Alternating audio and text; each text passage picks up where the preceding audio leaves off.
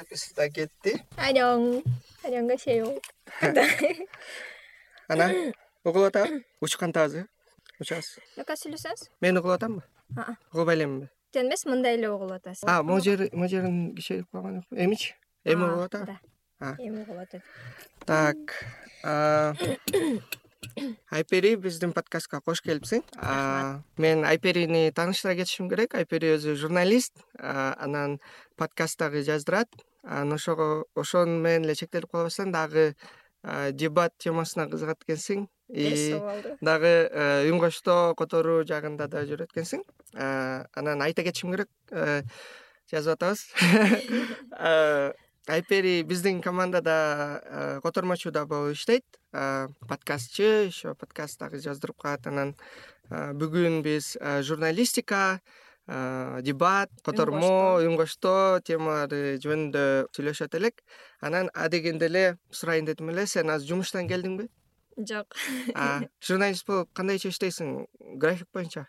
Негизи мен деген журналистика менен эки миң он сегизинчи жылдан бери алектенип келем. То есть э, получается э, университетти бүтө электе эле иштеп баштагам да. А бирок азыр ден соолугума байланыштуу бир ай болуп калды жумуштан чыктым иштей элесиң. да азыр болсо ден соолугумду калыбына келтирип атам. Негизи канча убакыттан бери журналист болуп иштеп атасың? Вот эки миң он сегизинчи жылдан бери үчүнчү курсту бүтүп практика болот го студенттерди таратат да. Азаттыкта бир ай практика өткөндөн кийин эмнегедир уже мен иштеп баштагым келип баштады келди да. То есть э, качан мен журналистика менен качан кесиби менен иштейм деп жүрүп төртүнчү курстун то есть ошол үчүнчү курсту бүтүп эле жумушка кирдим бирок азаттыкка эмес. Гестке алышкан мени супер инфого алганда да криминалдык анан социалдык темалар бөлүмүнө алышкан. Кичинекей эле мындай тажрыйбам деле жок бирок э, эмнегедир жазганым текст же болбосо билбейм жөндөмүмдү эметишти окшойт байкашты окшойт ошол жерде иштеп баштагам негизи. Негизи эле сен өзүң э, көп тармактарда жүрөсүң. Анан э, ар бир э, кырдаалдан өзүң мүмкүнчүлүк табасың да мен билем. Азаттыкта жүргөнүңдө подкастты эжемдин ноутбугун алам же болбосо там азаттыкка барып жасап алсам болот депчи ошол сыяктуу айтып аткансың. Ну любой ишти кыскасы бүтүрүш керек деген сыяктуу жүрөсүң да. Азаттык эмес эме болгон медиа сабаттуулук боюнча ошо подкасттын экинчи үчүнчү эпизодун жаздырып атканда факт чек kgнин журналисти асель сооронбаева эжеден интервью алмакмын да э.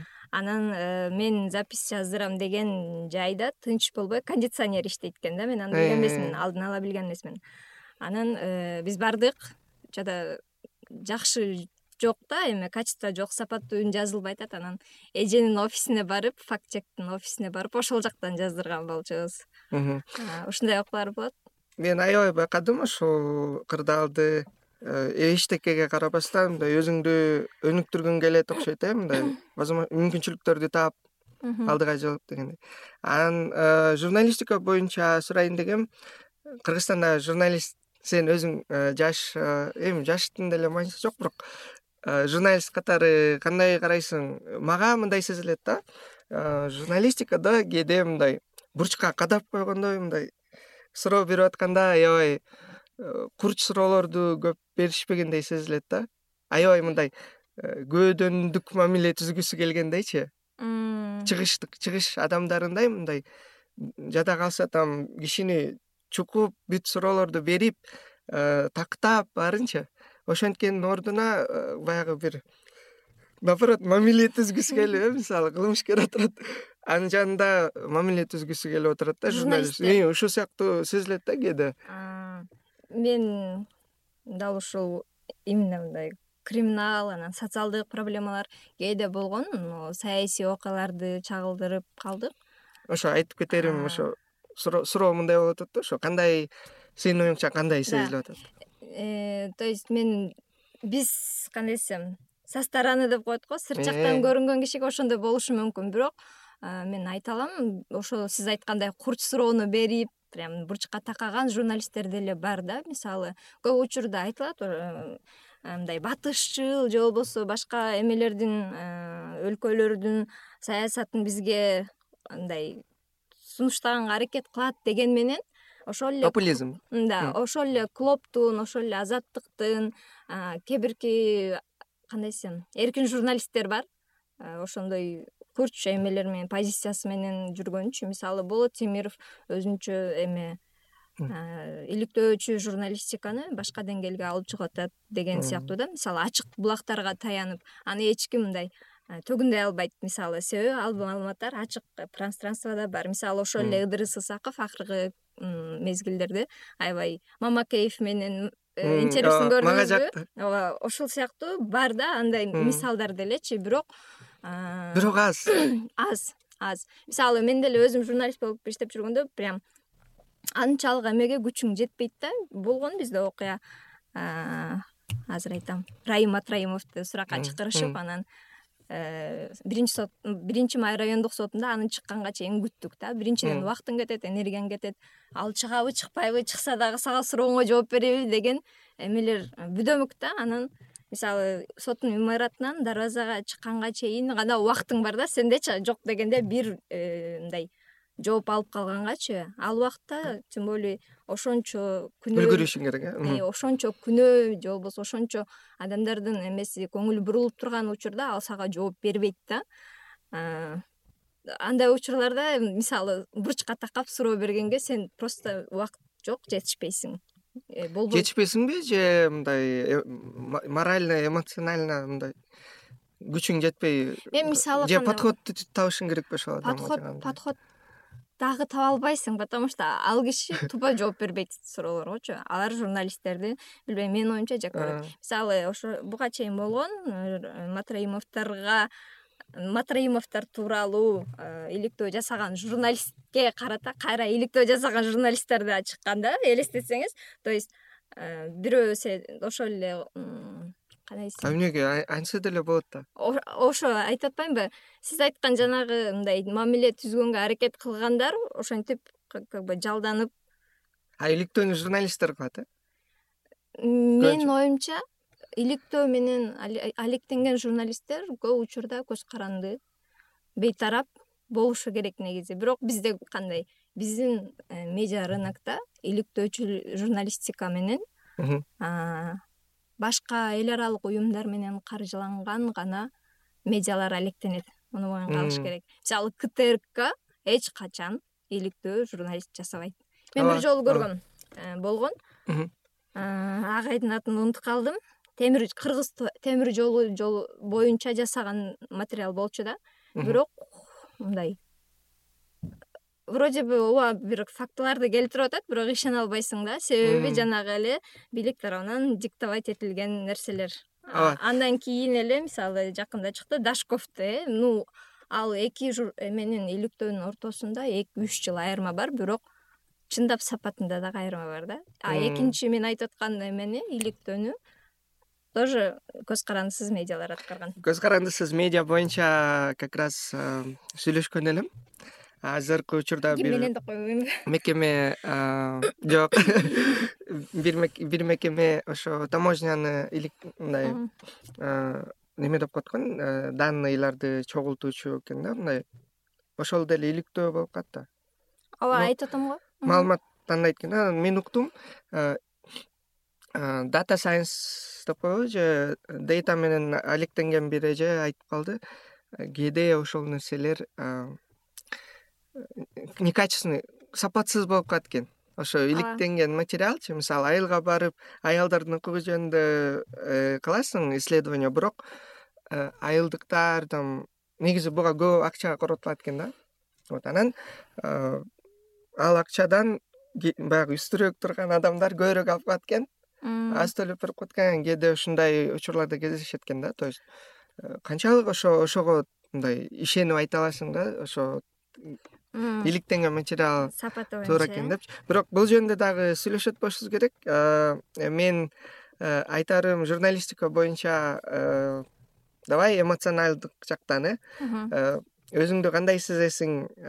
Журналист болуп жүргөндө э кандай мындай бир учкул моменттер бар учкул учурлар болот ошолор жөнүндө айтып кетсең сенин эсиңде калган биринчи сурооңузга кыскача токтоло кетейин да мисалы айтып атпайбызбы акча бөлүнөт бул нерсе көп убакыт коротулат кымбат кымбат нерсе кымбат кымбат акча коротулат каражат коротулат убакыт коротулат бирок сапаты болбошу мүмкүн деп чындап бизде азыр кыргызстанда акыркы жылдары айрыкча дата журналистика деген мындай популярдуу болуп атат. Бүт эле ошол эле организациялар уюмдар ушул жаатта окутууларды уюштурганга аракет кылып атат. Же болбосо мындай жаңы журналистикага аралашкандар именно дата журналистика менен алектенгенге аракет кылып атат. Мен өзүм деле бир убакыт болгон эми промежуточныйчы аябай кызыгып ошо менен алектенгим келген. Бирок кандай мен айтып атам го мисалы ошол эле болот темировдун иликтөөлөрү бул болгону ачык маалыматтарга таянат. Мисалы ошол сиз айтып аткан бөлүнгөн каражат акча исследование жана иликтөөлөр мындай сурамжылоолорго сиз айткан айылдарга барып аялдардан эме информация чогултканга коротулат да. Бирок ал нерсени ошо ачыкка чыккан маалымат ошо исследование аркылуу келип атпайбы исследование аркылуу келип атат бирок биздин коом кандай э, продукцияны э, мындай талабы бар деген нерсе да? Мисалы ошол эле материалга сен бир каарманды кошсоң адамдар по любому эмоционалдык жактан көп кабыл алат да. Сен бирөөгө бооруң ооруганда билбейм ошол сыяктуу нерсе менен ошол материал ошончо эмгектин жыйынтыгы көрүнүшү мүмкүн да. А бизде дата журналистика э, дата журналистикада билбейм каармандарга канчалык басым жасалат билбейм. Ну ошондой нюанстары бар эмоционалдык же болбосо ошол эле э, бир нерсени жеткирейин десең кишигечи сенин деле эжең барго карындашың барго деген сыяктуу э. нерсе адам өзүнө жакын алат да ошол нерсеге каалайсыңбы каалабайсыңбы көңүлүң бурат да. А бизде азыр дата журналистика көпчүлүк ну билбейм кээ биркилер айтат бул сухой эле эме цифралар депчи кургак эле эме сандар. Чын айтасызбы? кургак деген ал кандай? Сухие цифры деп. Кантип кыргызча кудурат? Болгону сандар гана жөн эле вообще бизде статистикалык маалыматтарды эч ким окубайт ооба ооба ооба. Эме потребительский эме бар го мындай колдонуучулардын суроо талабы башка нерседе да мисалы. Сонун материал чыкты статистика чыкты бажы тууралуу билбейм экономикалык бир инвестициялар тууралуу бир жаңылык окуя иш чара болсо э, биринчиден окурмандар угармандар көрөрмандар ага көңүл бурбайт. Экинчиден смилер дагы аны барып чагылдырганга аракет кылбайт. Себеби билишет что аудитория ага кызыкпайт экенин криминалдык окуя болсо мисалы жакында сегизинчи этаждан бала өзүн тыштап салды бүт элдин баары концентрациясы ошол жака бурулду да. Ну мен айтпайм андай окуяларды чагылдырбаш керек депчи бирок э, сми ошол э, аудиториясы талап кылган нерсени бергенге аракет кылат биздин ооба ооба. рынокто конъюнктурщиктер экенсиң тамаша. Негизи эле ансыз статистика жаратыш керек да. Журналисттер өткөрүш керек өзүнүн контентинчи ооба анан бир чети бул ооба окубайт эч ким деле. Контентчиде деле жазып атканда баягы арстанды билесиң да арстан менен сүйлөшүп калганда айтып койду.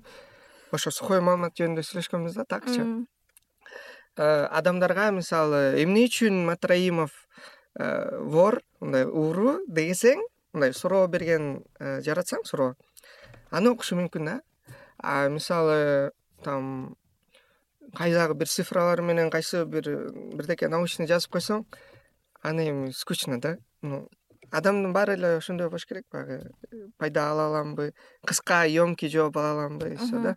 Вот и мен азыр э, бир тараптуу болуп дагы айтып кеттим окшойт бирок кийинки темага өтсөк бул э, журналистика боюнча кандай сезесиң деп суроо берип аткансыз э өзүңдү кандай сезесиң? Еще мындай журналистикада эң эле чагылдырчу сөздөр ой мындай эң эле чагылдырчу моменттер кандай?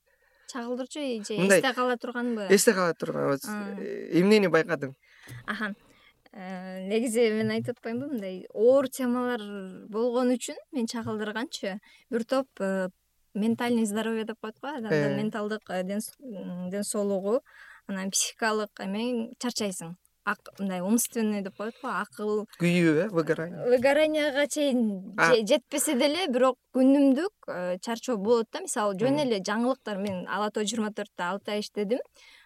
Круглосуточный жыйырма төрт саат бою жалаң жаңылыктарды берет да. Ошондо деле ал жерде оперативдүүлүк аябай маанилүү. Сен мисалы эртең менен тогузда иш чарага барсаң беш саат саат бирде дайжест болот. Мисалы жаңылыктар кыскача ага бир бокс беришиң керек кечки саат тогуздагы жаңылыкка сен сюжет беришиң керек. Э, же болбосо э, супер твда иштедим ал жерде таптакыр башка форматта нарративдик материалдар толук метраждуу репортаждар даярдайсың да. Анан ну ар кайсыл эменин форматына багытына жараша болот. Мен мисалы өзүм мындай адаммын да бирөөгө барып биринчи салам берип учурашып мамиле түзбөйм эч качан. Интроверт. Көпчүлүк э, жок мен аябай интроверт деле эмесмин просто принцип. мага принцип деле эмес. Билбейм мен просто ушундай адаммын да. Мисалы бирөө мага келип э, саламдашып учурашып мамиле кылса мен сүйлөшүп кете берем бирок өзүм барып ну болот го адамдар мындай коммуникабельныйчи андай эмесмин да. А бирок мен жумушта болгондо. Мен билем что бул менин жумушум бул менин позициям. Сүйлөбөгөн кишини дагы барып оозунан бирдеке сөз чыгарып алганга аракет кылам да бирдеке жылып чыккангачы. ушундай эме айырмачылыктар болот. Бизди окутканда дагы алмаз касымалиев деген агайыбыз бар. Э, ал болсо мынтип айтат да сен жеке адам катары анан журналист катары позицияң башка болушу керек депчи. Мен мисалы э, кайсы бир саясатчыны жеке айпери катары Э, эметишим мүмкүн да кандай десем? Э, бир канча тараптан? жок. Мисалы жеке айпери катары э, айталы бекешевке мындай симпатия болушу мүмкүн кайсы бир саясатчыгачы а бирок мен журналист катары аны көргөзө албайм. Ну бул журналисттин этикалык кодекси менен байланыштуу. Мен ага пропаганда кыла албайм. Эгер этикалык кодекс жөнүндө айта кетсең этикалык кодексте аябай көп нерсе жазылган бирок менин эң эсимде калган нерсе бул ошол өзүңдүн позицияң саясий эмеге аралаштырбаш керек. Жеке жашооң менен эме кесиптик позицияң башка болуш керек. Ал жерде дагы бар э, мамлекеттик сыр врачебный тайна деп коет го медициналык сыр же болбосо аскердик сыр э, то есть эгер ошол нерселер э, смиге чыкпаш керек бул бир.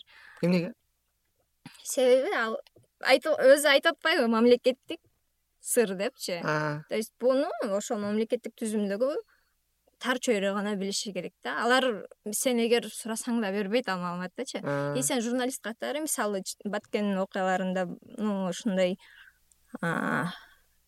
эме болуп атты да бизге талап. Мисалы митинг болуп атат бишкекте. Кеттик биз эмеге барабыз. Бизге машина бергиле биз эмне эле баткенге барабыз деп чыгышты э биздин жарма патриотторчу. Жарма патриот. Жарма патриот псевдо патриотторчу эмнеге? ну алардын өзүнүн иши бирок бизге көпчүлүк эме ошол эле уюштуруучулар ошол эле смидеги кесиптештер дагы түз эфирге чыкпайбыз чагылдырбайбыз деп атты. Себеби бул кандайдыр бир деңгээлде якобы да э, тажикстандын эмелери көрөт түз эфирди допустим тажикстандын жарандары ошол эле смилери көрүп биз бул жактан типа военный даярдык болуп атканын билип алар да даярданат деген сыяктуу болду да. Ушундай эме кооптонуулар болду. То есть э, этикалык кодекс боюнча ушундай. Анан э, адам ошондо ключевой моментин түшүнбөй калдым сен мамлекеттик сырды эме жарыялай албайсың. Конфиденциальный информация деп коет го. Мындай конфиденциалдуу маалыматтарды жарыялаганга укугуң жок. Адамдын алар ачык чыгып жүрүшсө ошондо кайсынысын каталасың да? Ну кандай ал ачык болуп атат да. негизи мамлекеттик сыр аябай катуу суроолорду берип атышпайбы бирок мен мындай жакшы тонду таба албай атам бирок ал нерсени ошо кандай чагылдырбай коесуңбу кантип билесиң ошо сен? конфиденциалдуу биздин сайттар кантип иштеп атты да? Митинг болуп аткан митингке чогулушту деп берди. Бирок мисалы эми биз түз эфирде болчубуз эң башындачы. Биз түз эфирде болчубуз. Биз барганда ошол уюштуруучулар активист балдар алып туруп камерабызды мындай талкалап салайын деп эметишти да? Мындай атака деле болду да анан айттык эмнеге ну айтып атам го алардын талабы чагылдырбагыла деген нерсе болуп атты да? Биз тупо ошол митингди эмеге деп то есть силер азыр маалыматты бүт маалымат айдыңына интернет айдыңына жазасыңар таратасыңар а тажикстандын маалымат булактары аны окуйт типа алар дагы даярданат деген сыяктуучу. Бирок ал жерде уже азыркыга чейин ал окуяларда кайсы тарап күнөөлүү кайсы тарап биринчи баштаган деген суроолорго жооп таба албай элек да мындай бүт элек да ал ишчи бирок ошол учурда э, коомчулук ошол эле митингке чыккандар уюштуруучулар бул нерсени бизге мындай запрет койду да мындай тоскоолдуктар болду. А мисалы негизи эле мамлекеттик э, сыр деген нерселер сминин колуна келип түшпөйт келип түшсө дагы чагылдырганга укугу жок. Анан э, адамдын жеке ал кандай көрүнөт? Мисалы ким айтат сага чагылдырба деп редакциядан келип бул мамлекеттик сыр экенин чагылдырба деп айтабы же кандай? Мен прямо андай маалыматтар менен иштеп көргөн эмесмин бирок кодексте прямо ушинтип жазылган да мамлекеттик сырды сен чагылдырбашың керек деген. Мисалы болот э, врачебная тайна то же самое мисалы кайсы бир адам аябай оору болуп атса же болбосо вакцинанын качан даяр болот экени тууралуу деле эң алгач эки үч ай бир жарым жылдай маалыматтар жок болду го ушул сыяктуу да же болбосо ошол эле военный тайна дегендер бар. Эми аны военный ну аскер тармагында жүргөн кишилер өзүлөрү түшүнөт да. Бирок бизге эгер мисалы бир дагы смидеги журналист менин оюмча билбейт биздин ички иштер министрлигинде ички иштер структурасында канча сотрудник канча кызматкер иштейт экенин билбейсиң. Себеби бул военный тайна аскердик сыр түшүнүктүүбү андан сырткары адамдын жеке маалыматтарын анын уруксаты жок чыгара албайсың. Бизде мисалы супер твда тагдыр деген рубрика бар. Алар өзүлөрү кайра алат да. Бизде ушундай болуп атат то есть бул эми типа адамдардын эмоционалдык жактан көпчүлүк мындай бизде эме го ашар жолу менен жардам бермей мисалы пандемияда деле болду го ошол сыяктуу көпчүлүк адам чогулуп туруп жардам беришет ошол кишилергечи бирок алар өзүлөрү суранган үчүн биз ал нерсени чыгарабыз да алардын жеке турмушунчу. А бирок этикалык кодексте адамдын өзүнүн уруксаты жок жеке маалыматтарды чыгарбаш керек. Бирок мисалы ал киши а бизде закон түрүндө ошол регулировкаланат э? Кодекс менен. Этикалык кодекс өзүнчө бар бизде. Бар бар. Ал кадимкидей эле жанагы кодекстердин бирөөсү э ооба. Журналисттердин жумушуна ишмердүүлүгүнө байланыштуу кодекс бар да жогорку кеңеш аркылуу э, коюлган бул нормативдик актылардын бир бөлүгү болуп калат. Эл аралык документ э бул? Биз жанагы эле орусиядан э, орусиянын кодекси сыяктуу эле да мындай дебатка катышып жүргөнгөбү сен аябай стрессоустойчу билбейм контролдоппу же мындай бир Э, жарылып кетпейсиң да барго адамдарга жарыласың бирок сиз буга чейин айттыңыз го выгорание дегенчи ошол э. болот экен. Мен эмне үчүн бир айдан бери иштебей эме ден соолугум калыбына келтирип атам. Бул эмеден как раз таки мага врач айтты сен аябай көп э, стресс алгансың депчи. А мен айттым. Мен деген криминалдык окуялар чагылдырып иштегем. Ну сен каалайсыңбы каалабайсыңбы андай учурда негатив болот. Элестетсеңиз кимдир бирөө каза болуп атса редактор айтат да материал мындай көрүмдүү болуш үчүн сен ошол кишинин жакындарынан интервью алсаң таасирдүү болот материал депчи. Анан сен издейсиң. Же болбосо экинчи жак допустим болот да түрдүү кылмыштарчы. Киши колу болуп атса ошол шектүүнүн жакындарынан дагы интервью алганга аракет кыласың. Себеби сенин материалың бир тараптуу болбош керек. Эки тарапты тең чагылдырышың керек. Бейтарап болуш үчүн сен аларды да издейсиң да. Шектүүлөр шектүүлөрдөн калуу кандай ал шектүүнүн жакындары деп атпаймынбы шектүүнүн жакындарынан мисалы мисалы допустим болот менин байкем деген андайга бармак эмес же болбосо бул кокустук болду деп алар өзүлөрүнүн эмелерин айтышат да мындай өзүлөрүнүн жүйөлөрүн келтирет мисалы. Ошол учурда сен эмоционалдык учуруң кандай ошондо мисалы? Эң башында булар мени дагы преследовать этпейби деген жок андай болбойт. Себеби аларга маалыматтык колдоо керек да. Мисалы айзада айзада каза болгондо то есть ала качып анан каза болуп калды го. Э, бир бир жума эки жума аябай ызы чуу болуп митинг болуп мвднын жетекчисин э, иштен алгыла деп эметип жүрдүк го.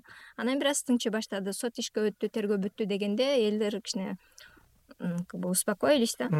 Анан э, биз байланышка чыктык алардын эже туугандарыначы. Анан мен айтып атам да бул эскерүү иретинде материал болот депчи мындай резонанстуу окуя ал болсо макул болбой атат. Потом көпкө сүйлөштүк адвокат ким менен сүйлөшүп атасыңар ошондо айзаданын эжеси. Эжеси и апасы.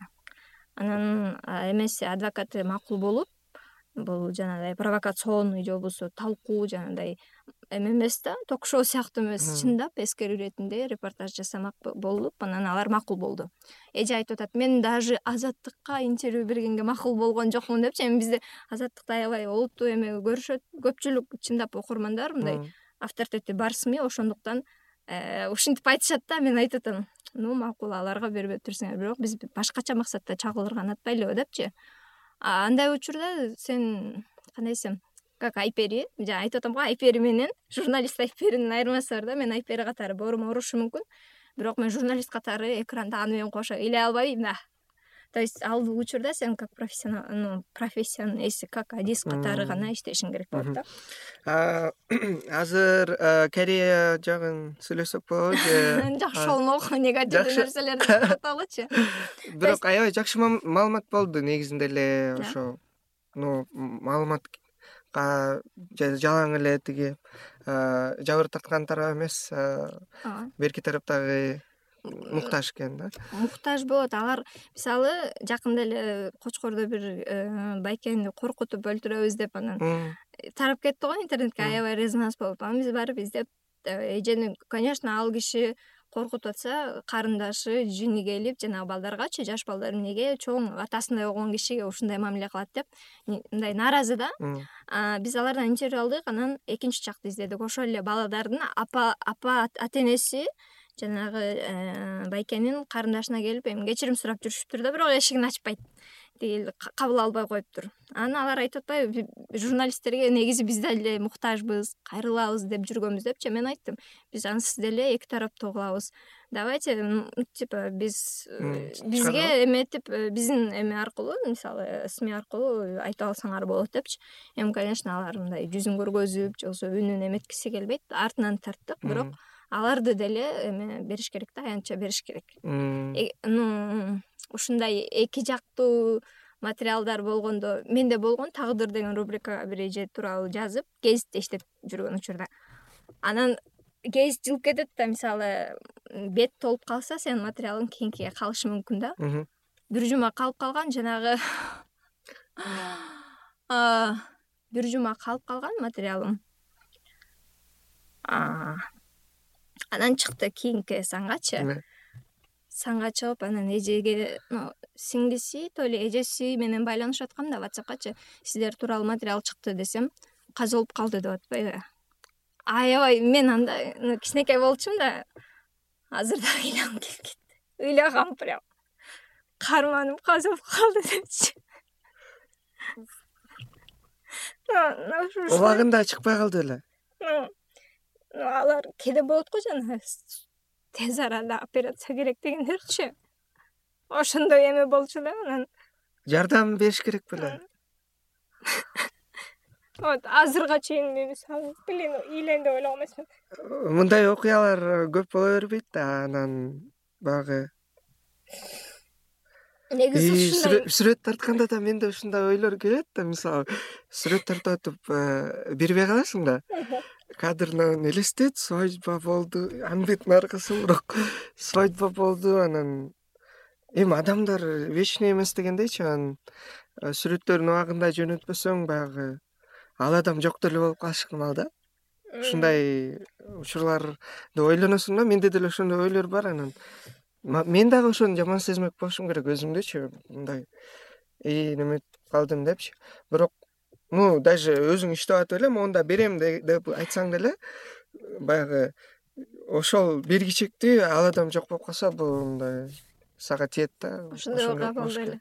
Э, анан корея темасына өтөлү бул журналистика негизи аябай кызыктуу экен. Көбүнчө адамдар бир эле тараптан карайт да баягы потребитель катарычы а журналисттердин ичинде алар дагы бир нерсени переживать этет баягы бир нерсе аркылуу бирок көнүп каласың мындай иммунитет пайда болот.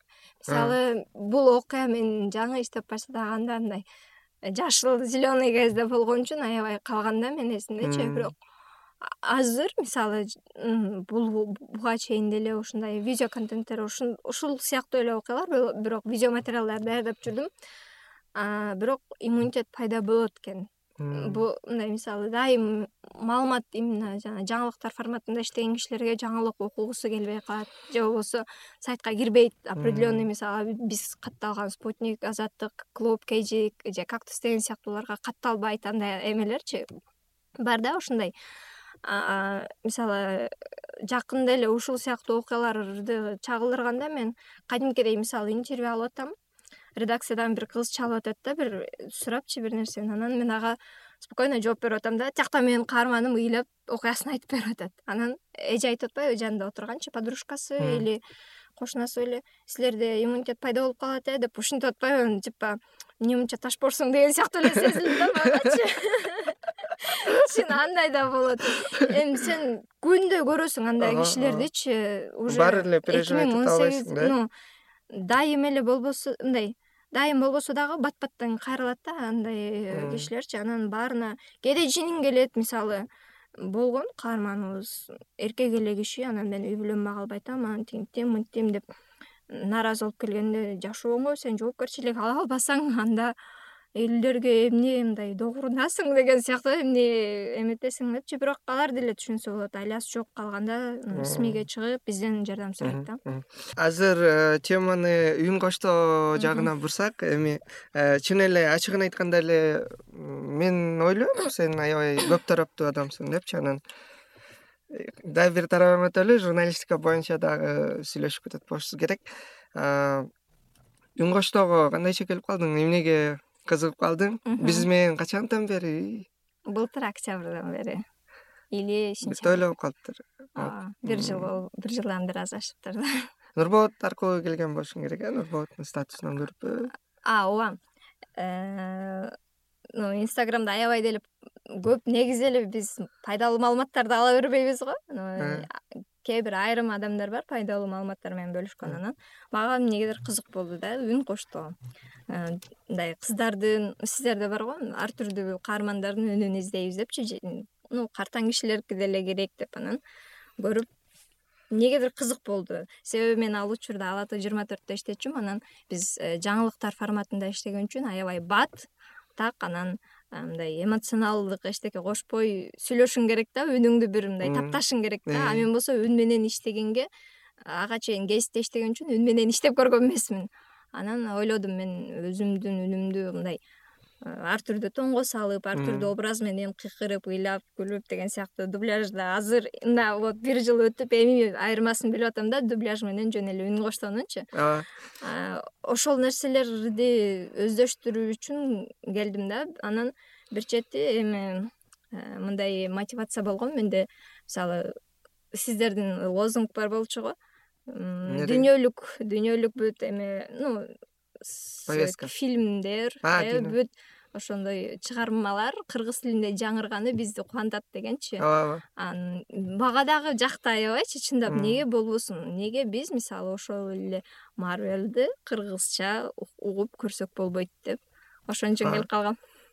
Анын үстүнө мындай болуп атпайбы? Азыр дүйнөдө ар түрдүү повесткаларды коюп атышпайбы жанагы тасма даже оскарды бергенге белгилүү бир талаптарды коюп коюп атышат анан келечекте билбейбиз кайсы студиялар менен иштешебиз азыр медиа тармагында корея өсүп келатат. Америка мурдатан бери эле.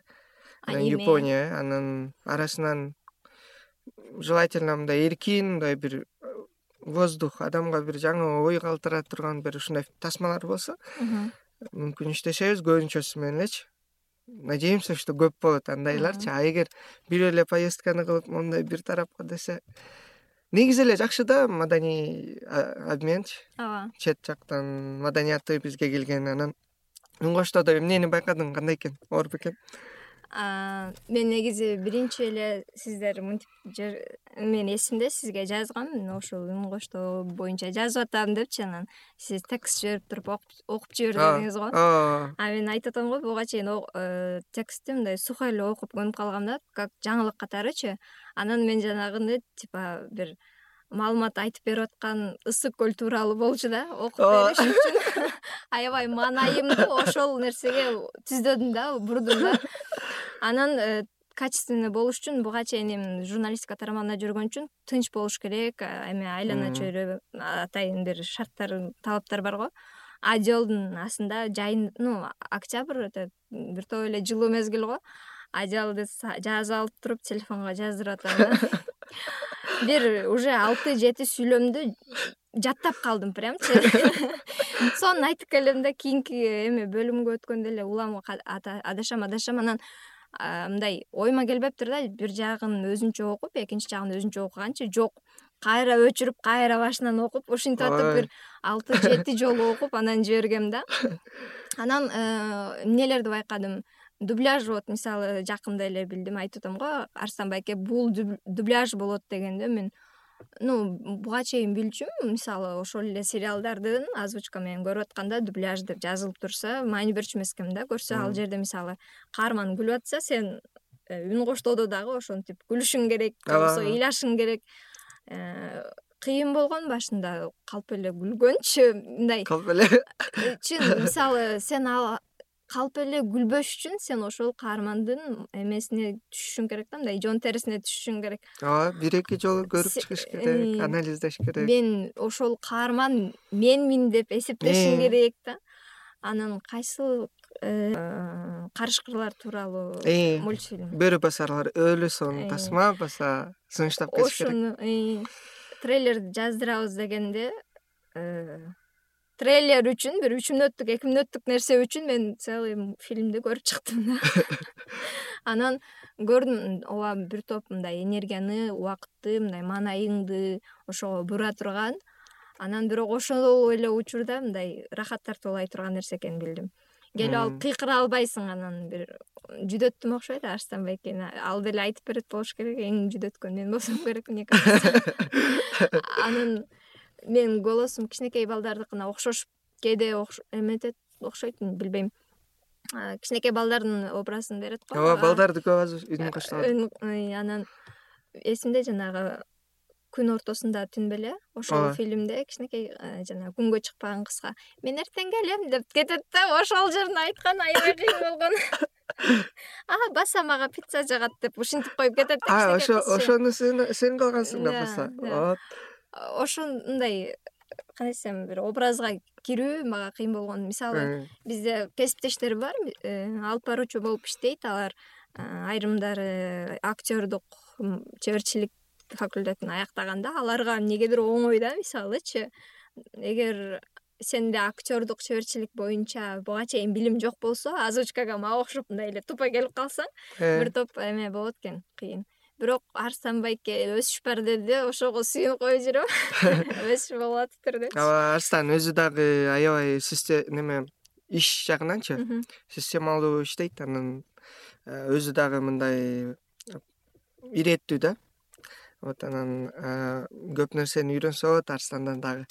Анан э, үн коштоо негизи эле кызык тема. Анан бир чети аябай рахмат ошончодон бери азыр дагы жүрөсүң биз менен.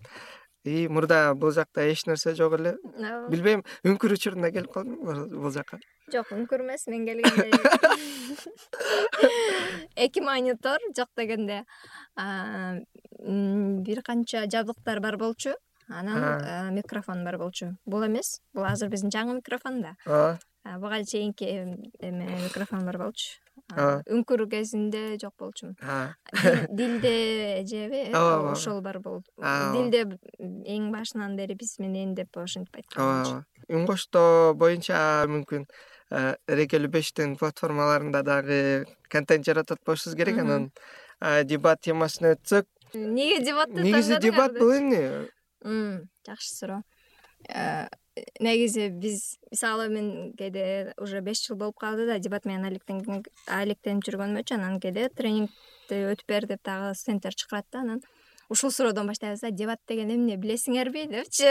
Анан ар түрдүү жооп болот. Негизи кыска айтканда өзүңдүн оюңду оппоненттиң эч качан сен менен бир пикирде болбойт да дебат оюндачы а мындай сен менен бир пикирде болбогон киши жашоодо көп эле кездешет ошол адамдарга мындай конструктивдүү түрдө өзүңдүн оюңду жеткиргенге үйрөтөт. Мен мисалы же жеткирбей айтпай койгонго да жок өзүңдүн позицияңды өзүңдүн позицияңды коргогонго үйрөтөт. Мисалы киши диалогко даяр эмес экенин көрүп атасың и бурулуп эле кетип калды. Жок андай андай болбойт. Мындай мисалы ал киши сенин оюңду кабыл алабы албайбы ал анын көйгөйү да мисалы проблемасы да. Бирок сен ошол жерде өзүңдүн позицияңды билдиришиң керек эгер сенде ошондой принцип болсо. Корея темасына акырындан өтөлү э, кей поп кореянын тарыхы негизи аябай кызыктуу. Убагында э, япониянын алдында турганда баягы аракеттер болгон. Корейлерди э, япончо үйрөтөбүз деп мектептеринде япон маданиятын киргизебиз депчи. Советтер союзунда орус маданиятын дагы кыргыздарга киргизебиз деген сыяктуу алтымышынчы кореянын россия менен чектеш жериндегилер тескерисинче орус маданияты менен эметип мен аналогия кылган сыяктуу болуп атам анан азыр мени кубандырат бир чети ну корейлер ит жесе дагы. Ит жесе дагы. Тамаша өйдө көтөрүлүп жада калса ырчылар оондун трибунасында выступать этип атышат анан корея аябай жакшы болуп кетти мындай өзүнө туруп кетти да. Орто жолдо менин оюмча диктатура аркылуу дагы ушул экономический чудоого жетти болуш керек. Бирок эмнеге ал жагат да? Бир убакта ф четири чыккан. Ф четирини көрдүң беле ал кезде мен мындай корея маданияты ошол кейпоп драма дегенге кызыкчу эмесмин. а качан кызыга баштадың? айтып берейинби мындай адатта кыздар жанагы переходный возраст деп коет го. Өткөн мезгилде ошол кореялык сериалдарды көрүп ушинтип калышат да а мен э, эки жыл бир жарым жыл болуп калды. Жакында эле кызыгып баштадым. А мен күлөм өзүмдү мен да переходный возраст эми депчи мен буга чейин дорамалар көрчүмүн то есть ошол жанагы цветочки после ягоды ф четири чыкканда анчейин деле маани берген эмесмин да красивый какие то мындай куклага окшогон эле кишилер жүрөт дечи мен негизи кичинекемден андай нерселерге көп эметчү эмесмин да жакын болчу эмесмин анан бирок э, бүт эле менин кебетем көргөндөр сен кореянкаларга окшош экенсиң анан сен кейпоп менен алектенесиңби дейт. Мен болсо жок мен билчүмүн эки эле группаны мисалы кейпоп bts ошол эле. Анан эксо деген бар болчу. Менин жакын курбум ошо экзонун фанаткасы болчу. Ошон үчүн гана билчүмүн да.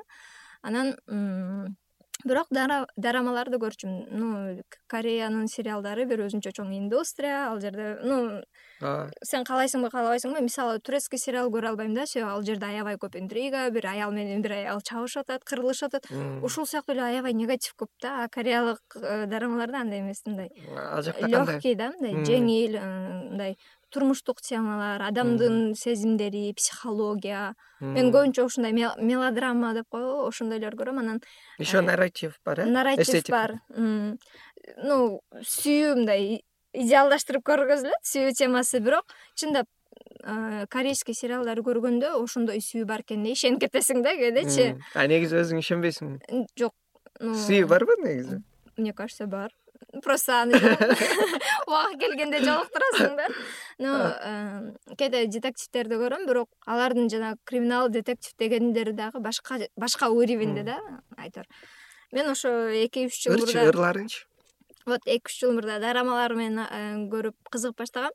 Ырларын мен жакында эле могу жакында btстин батыр деген музыка чыкты го ошону укканда таптакыр башка нерсени уккандай болдум мен негизи плейлистимди карасаңыз менде мындай да эски ырлар бар го жанагы айланып баратканда ак булуттар же болбосо издейм сени деген сыяктуу прям кыргыздын типа классика деп эсептелген музыкаларын угам либо димашты угат болчумун да. Башка нотадар дейт го эмнегедир мага жакты. Анан э, btстин популярдуу болуп кеткен бир чети мисалы азыр пандемия элдин баары мындай подавленный деп коет го депрессияга түшкөн. Алардын акыркы үч төрт э, музыкасы бүт мындай позитив го мындай ошол нерсени унутуп кичине жашоого жеңил көз караш менен караганга эме үндөгөн үчүнбү билбейм жакты да. Анан э, инстаграмдан бир видеону көрүп калып эле че то кызыгып баштадым. Ошо менен эле лентаны болот го бир отурсаң эки саат үч саат эметип каласың көрүп bts тууралуу информацияларды угуп ала баштадым анан. Потом я стала армией. Могу эмне болсо баары ушуну айтышат ушуну көргөзүшөт. Сүйүү э? Бул жүрөкчү. Ну негизи ну кореянын маданияты дагы башкача го мисалы эгер бул белгини жигитине көргөзсө типа мен сени сүйөм деген сыяктуу айтып аткан болот. Бирок алар көп эле кишилерге көрдүм мисалы кореядан келген. ооба подружканы көргөзсөң тоже сен менин типа жакшы көргөн подружкам же болбосо кээде файтинг деп. Негизи бул жүрөкчө сүйүүнү түшүндүрөт а кээде файтинг деп да көргөзүшөт то есть ийгилик депчи. Анан алыста турган кишиге сен кыйгыра албайсың да депчи просто вот так мен э, дорамалар көрүп баштагандан кийин бүт сүрөткө түшкөндө жанагы групповой сүрөткө түшөсүң го кайсы бир иш чараларда мисалы коллектив менен э, корпоративде отурганда деле мындай кылгыла албайт келет жүрөкчө жүрөкчө дей анан баары бир күлүшөт бирок азыр эме кореянын маданияты аябай дүйнөгө мындай тарап кетти го. Бизде өзүнчө мындай субкультура субкультура менен эме болгон кишилер көп да. Анан элдер уже кадимкидей кабыл алып калган да ушинтип сүрөткө түшкөндөчү чоң чоң кишилер чоң тайкелер ушинтип түшкөндө күлгүм келет. Бирок это мило албетте маданият бир маданият менен кошулса бул жакшы мындай байыйт го. Маданияттар анан кореянын өсүп кетишинин бир себеби менин оюмча америкалык культура дагы таасир берди болуш керек. Еще америка менен кореянын немеси бар болчу да. Мен аябай политиканы кызыгам да анан ошо окуган болчумун баягы машиналарын өткөрүшкөн иши кылып бир карым катнаш түзгөн да берки корея болсо түндүк корея болсо ал советтер союзу мененби бирдеке болуп ну алар коммунизмди тандабашып анан өзүлөрүнүн идеологиясы болуп кетти да. Анан менин оюмча ошол себептен дагы корея өсүп кетти деп окшойт деп ойлоп атам же сенде кандай маалыматтар бар түштүк именно түштүк корея түштүк корея жөнүндө түштүк корея бир эле америка эмес негизи эле бизде дүйнө боюнча типа маданияттын же болбосо жанагы культуранын жеткенчеги европадан башталат деген сыяктуу эме бар го мындай айтайын дегеним түштүк корея бир эле америка менен эмес негизи эле европага ыктаган үчүн өнүктүү болуш керек дейм да. Мисалы турциянын деле бөлүгү мындай бар го европалашкан бөлүгү анан кадимки мындай традиционный мындай исламчыл бөлүгү дагы бар го. Э, ошол эле сыяктуу болуш керек мындай бирок турция дагы европейский союзга киргиси келип жүрөт. Келип жүрөт. Бирок алардын деле мындай тескери бир эмеси бар го элүү секунд калды түштүк кореяда түштүк негизи эле биз азиат болгону менен кореецтер деле азиаттар да бирок алар жада калса мындай адамдын сырткы көрүнүшүндө дагы европага ыкташат мисалы көздөрүн чоңойтуп ошол элечи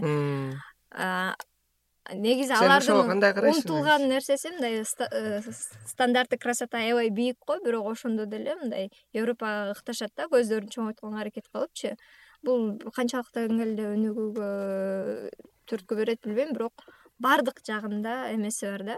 Мисалы ошол эле bts буга чейин корейче ырдап жүргөндө только кореянын ичиндеги десанды алып жүрсө азыр билбордко чейин чыкты деген сыяктуучу. Алар билди что мындай интеграция болуш керек экенинчи. Ошонун насчет этого алар эметти болуш керек ал дагы көбүрөөк жылды депчи.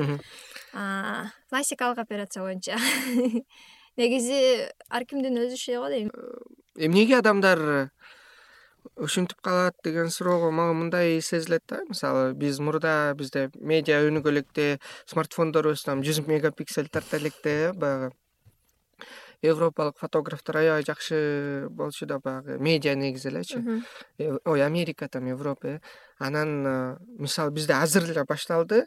Асмандан көрө баштадык өзүбүздүн жерибиздичи дронго тарта башташты э тенденциялар пайда болуп атат. Анан ошол сыяктуу эле мисалы биз азыр өзүбүздү а бул биздин жер дегендерди толтура кездештирип атам да анан буга жанагындай эле биздин конокко келип аткан мисалы нурсултан атокуров э же жанагы тынчтык мкр или аябай оор жаттаган бирок ал киши дагы аябай жакшы дрондон тартып мындай кызыктуу көргөзүп атат да. Анан мага мындай сезилет. Адамдарга и ошол сыяктуу эле кинодо мисалы э макияж кылат адамдар болушунча жасайт мисалы прыщтарын кетирип мүмкүнчү. Свет сонун коюлат анын баарын жөнөкөй көрүүчү эске албайт да. Анан э, ошого байланыштуу кээ бир адамдардын мындай идеалдуу көрүп алат. идеалдаштыруусу чоң да. Ошол себептен адамдар мындай кээ бир адамдарды сюжетке байланыштуу кино дагычы э, баягы биз мурда европанын там альпыларын бияктарын мындай жакшы прям э, айый укмуш экен дегендей э, кинодо дагы медиа пространстводо дагы ошондой сезип калат мүмкүн биз ушул теманы дебатта бир талкуулаган болчук медиа бизди бактысыз кылат депчи. То есть э, мисалы роналдо сонун мыкты анан физикалык телосложение деп коет го дене түзүмү э, же болбосо аябай ийгиликтүү. Ушундай тема козголгондо то есть медиа бизди бактысыз кылат деп себеби алар бизге идеалдуу болгон нерсени тартуулайт. Жөнөкөй көрөрман сиз айткандай кадр артындагы болуп аткан нерсени билбейт дагы. Ошондой идеалдуулукка ошондой жакшы фигурага ошондой ийгиликтүү киши болгонго карьера түзгөнгө аракет кылат депчи. Бирок ал нерсеге жетпей калганда ал өзүн бактысыз сезет деген эме бар да мындай. Чындап эле ошондой бул реалдуулук. Бирок медиа негизи бизде журналистикада окутканда бир агай айтканда камера бул сулуулукту жакшы көрөт депчи. Мындай ооба сен реалдуулук беришиң керек? Мисалы ошону менен катар альтернативдүү түрдө мындай кандай десем башка материалдар дагы бар да. Адам эгер сен жакшы нерсени көргүң келсе ошондой болгонго умтулгуң келсе умтула бер да. А медианы ага күнөөлөбөш керек менин оюмчачы. Э, мындай бактылуулук ошол сен көксөп аткан нерсеге жеткенде гана бактылуу сезесиң деген нерсе эмес да. Мисалы медиа көргөзүп аткан мындай идеалдуулукка умтулбай деле сен сенин идеалың таптакыр башка болушу мүмкүн. Айтып калат го неме тасма бул манипуляция. То есть тасма бул кандай десем и жакшы сөз айткан арстан дагы айткан унутуп калдым. Кыскасы тасма бул неме да идеологическая эстедим пропаганда. пропаганда. Любой ар кайсы тасма бул пропаганда деп коет бирок ошо негизи эле ошондойго деп ойлоп атам да то есть мындай адамдардын иштегенинчи жок. менин оюмча сен жооп бердиң окшойт. Эгер негизи эле ошондой деп айттың э эгер мисалы айтып го э, эгер сен аны пропаганда катары кабыл алсаң то есть бизге таңуулап атат десең сага ошол таңуулап аткандай сезилет. То есть сен үчүн ал таңуулоо да. Эгер сен бул алардын иши ну пусть они где то там само собой существуют бар боло берсин бирок мен өзүм билем да деген сыяктуу позицияда болсоң ал сен үчүн пропаганда баардык адам эле ошону билбесе керек. Ооба билбейт. Көпчүлүк ошол эмеге. Бирок смотрите рекламанын вообще эле медианын негизи эле бүт эле түзүмдүн максаты каражат жоготуу туурабы реклама ошол эле мындай идеалдаштырып көргөзүп аткандар эмне үчүн ошентип көргөзөт аларга деле прибыль киреше керек да. Анан эгер ошого алданып сиз айтып аткан манипуляцияга алданып мындай берилип кеткен кишилер болсо алардын эмеси да.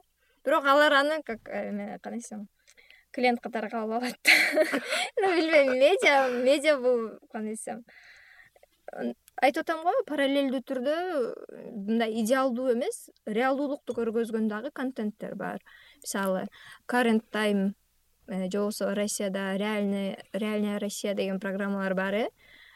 Короче не обязательно прям идеалдуу кооз нерселерди көргөнчү ал ар кимдин тандоосу го. Баардык түшүнүктөр сен кандай э, кабыл алганыңа жараша мисалы э, кимдир бирөө үчүн сулуулук башка нерсе же бактылуулукту ар ким ар кандай түшүнөт сулуулукту деле. Мисалы кытайда да бар го эме бут кийиминин размери аябай кичинекей болуш керек деп э? аялдар көргөнсүзбү жок. Аялдар буттарын ну эки үч жылдап ошол кичинекей ботинканы чечпей жүрүп деформация болот экен да буттарынын сөөктөрү кыйшыйыпчы и алар сулуу аялдар деп эсептелчү экен бут размери бут өлчөмү кичинекей азыр жок. аялдар бул аябай мындай эски традиция да. Ошол эле мисалы он алтынчы кылымдарда франциядагылар ичке корсет кийген сыяктуучу француз э, аялдары чындап өзүлөрүн мындай курмандыкка чалганда эмнеге сага ыңгайсыз ыңгайсыз экенин билет кыйналат.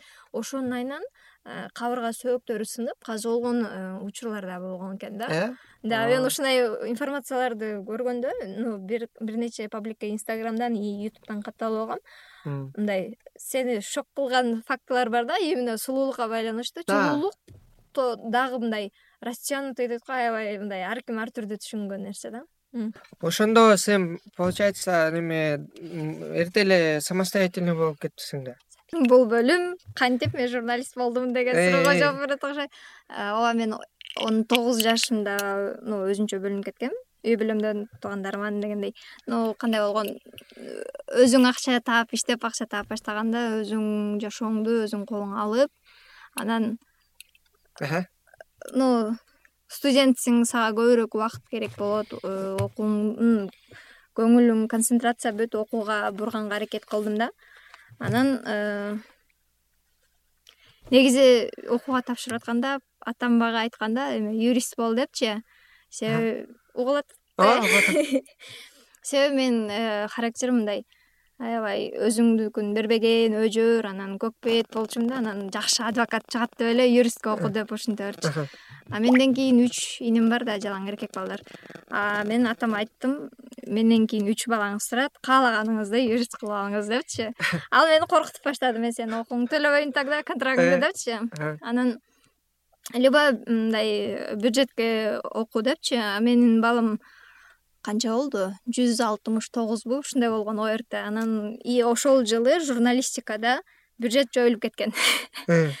анан каалайсыңбы каалабайсыңбы сен контрактка окуйсуң. Атам болсо төлөбөйм дейт. Анан э, эме улуттук университет анан арабаевада э, филологияга типа э, бюджетный место бар болчу. Биринчи экинчи катар менен өткөм бюджеткечи бирок ал филология. Мен деген филолог болуп тилди сөздү окумак белемин деген. Монтажды билишим керек интервью алганды билишим керек. Мен журналист болушум керек деп ыйлактап анан э, биринчи жылы окуума апчем төлөп берген. То есть атамдын эжеси контрагымдычы андан кийинки жылы уже биринчи курсту бүтүп э, иштеп баштадым. Э, получается эмнеге иштеп баштадың? Давление болду. Жок просто акча сурагым келген жок. Жолго мындай тамак ашыңа күндө деле кетет да кадимки эле акчачы анан сурай берген тоже мындай неудобный го. Анан иштеп баштадым подработка жайында иштеп контрагымды төлөп коюп анан сабактан кийин иштегенде майда чүйдө расходторго кетирчүмүн да ошентип окугам журналистиканы вот. Ошондон баштап уже өзүңчө? Биринчи биринчи курста ошол апчем менен жашагам. То есть э, инилерим кичинекей болгончу мен бизде эме го мындай кыздарды нянька катары кабыл алышат го үй бүлөдө эң чоң кыз болсоңчу потому что сен деген инилериң кара же болбосо үйдүн ишин кыл жана башка жана башка. А мен болсо окууга көңүлүм бурушум керек окуудан тышкары коомдук иштер дебат жана башка жана башка турнир Э, конференция бирдекелерге кетип кала берчүмүн анан кайдагы сен бала карап оокат кылмай анан апчемдеркине кеттим. Себеби анын кыздары дагы студент бирөөсү то есть студент окууну бүткөн анан бирөөсү мектеп окуучусу болчу. Биринчи курста ошентип апчемдер менен жашагам. Анан э, типа акча кармап баштагандан кийин негизи мектепте окуп жүргөндө деле подработка кылчумун бирок аябай көп эмес да. Анан э, контрагымды төлөгөнгө акчам жете турган болгондон кийин самоуверенная болуп анан бөлүнүп кеткен. Бөлүнүп кеткен дегенде бир эжем менен тааныш эже болчу. Э, батирге чогуу чыкканбыз батир. Квартирага. Анан ну ал эжени кандай десем мен ошол апчем таанып типа анча мынча бир аз жакшы билген үчүн ишенип анан чогуу чыкканбыз да. Болбосо бизде кыздарга болбойт анан үйдө отур. Же болбосо кайда жүрөсүң деген контроль күчтүү го. Бирок ошол эжеге дагы ишеним билдирген үчүн анан макул болушкан. Вот. Азыр бүт баарын өзүң кыласың ну азыр ооба конечно. Ну жыйырма бешке чыктың анан. Өзүңдү өзүң бакпасаң болбогот ошондо он тогуз жашыңан баштап э, өзүңчө болуп атасыңбы өзүңдүн контрагыңды төлөчү экенсиң өзүң? Канча төлөчү элең биз тапшырган жылы жыйырма беш болчу биздин университетте. Башка универлерде жыйырма сегиз жыйырма сегиз жыйырма жети бирдемке болчу бирок биздин универде арабтар каржылаган үчүн кичине эмеси азыраак болчу да. Контракттын көлөмүчү. Вот жыйырма беш миң эле. Жыйырма беш миң төлөчү эле экиге бөлүп февралга чейин бир бөлүгүн андан кийин бир бөлүгүн төлөйсүң да. Жыйырма бешти экиге бөлүп туруп төлөчүбүз ушундай болду беле мисалы. Ооба көбүнчө эле адамдар просто мен өзүм төлөгөн эмесмин да контрагыман.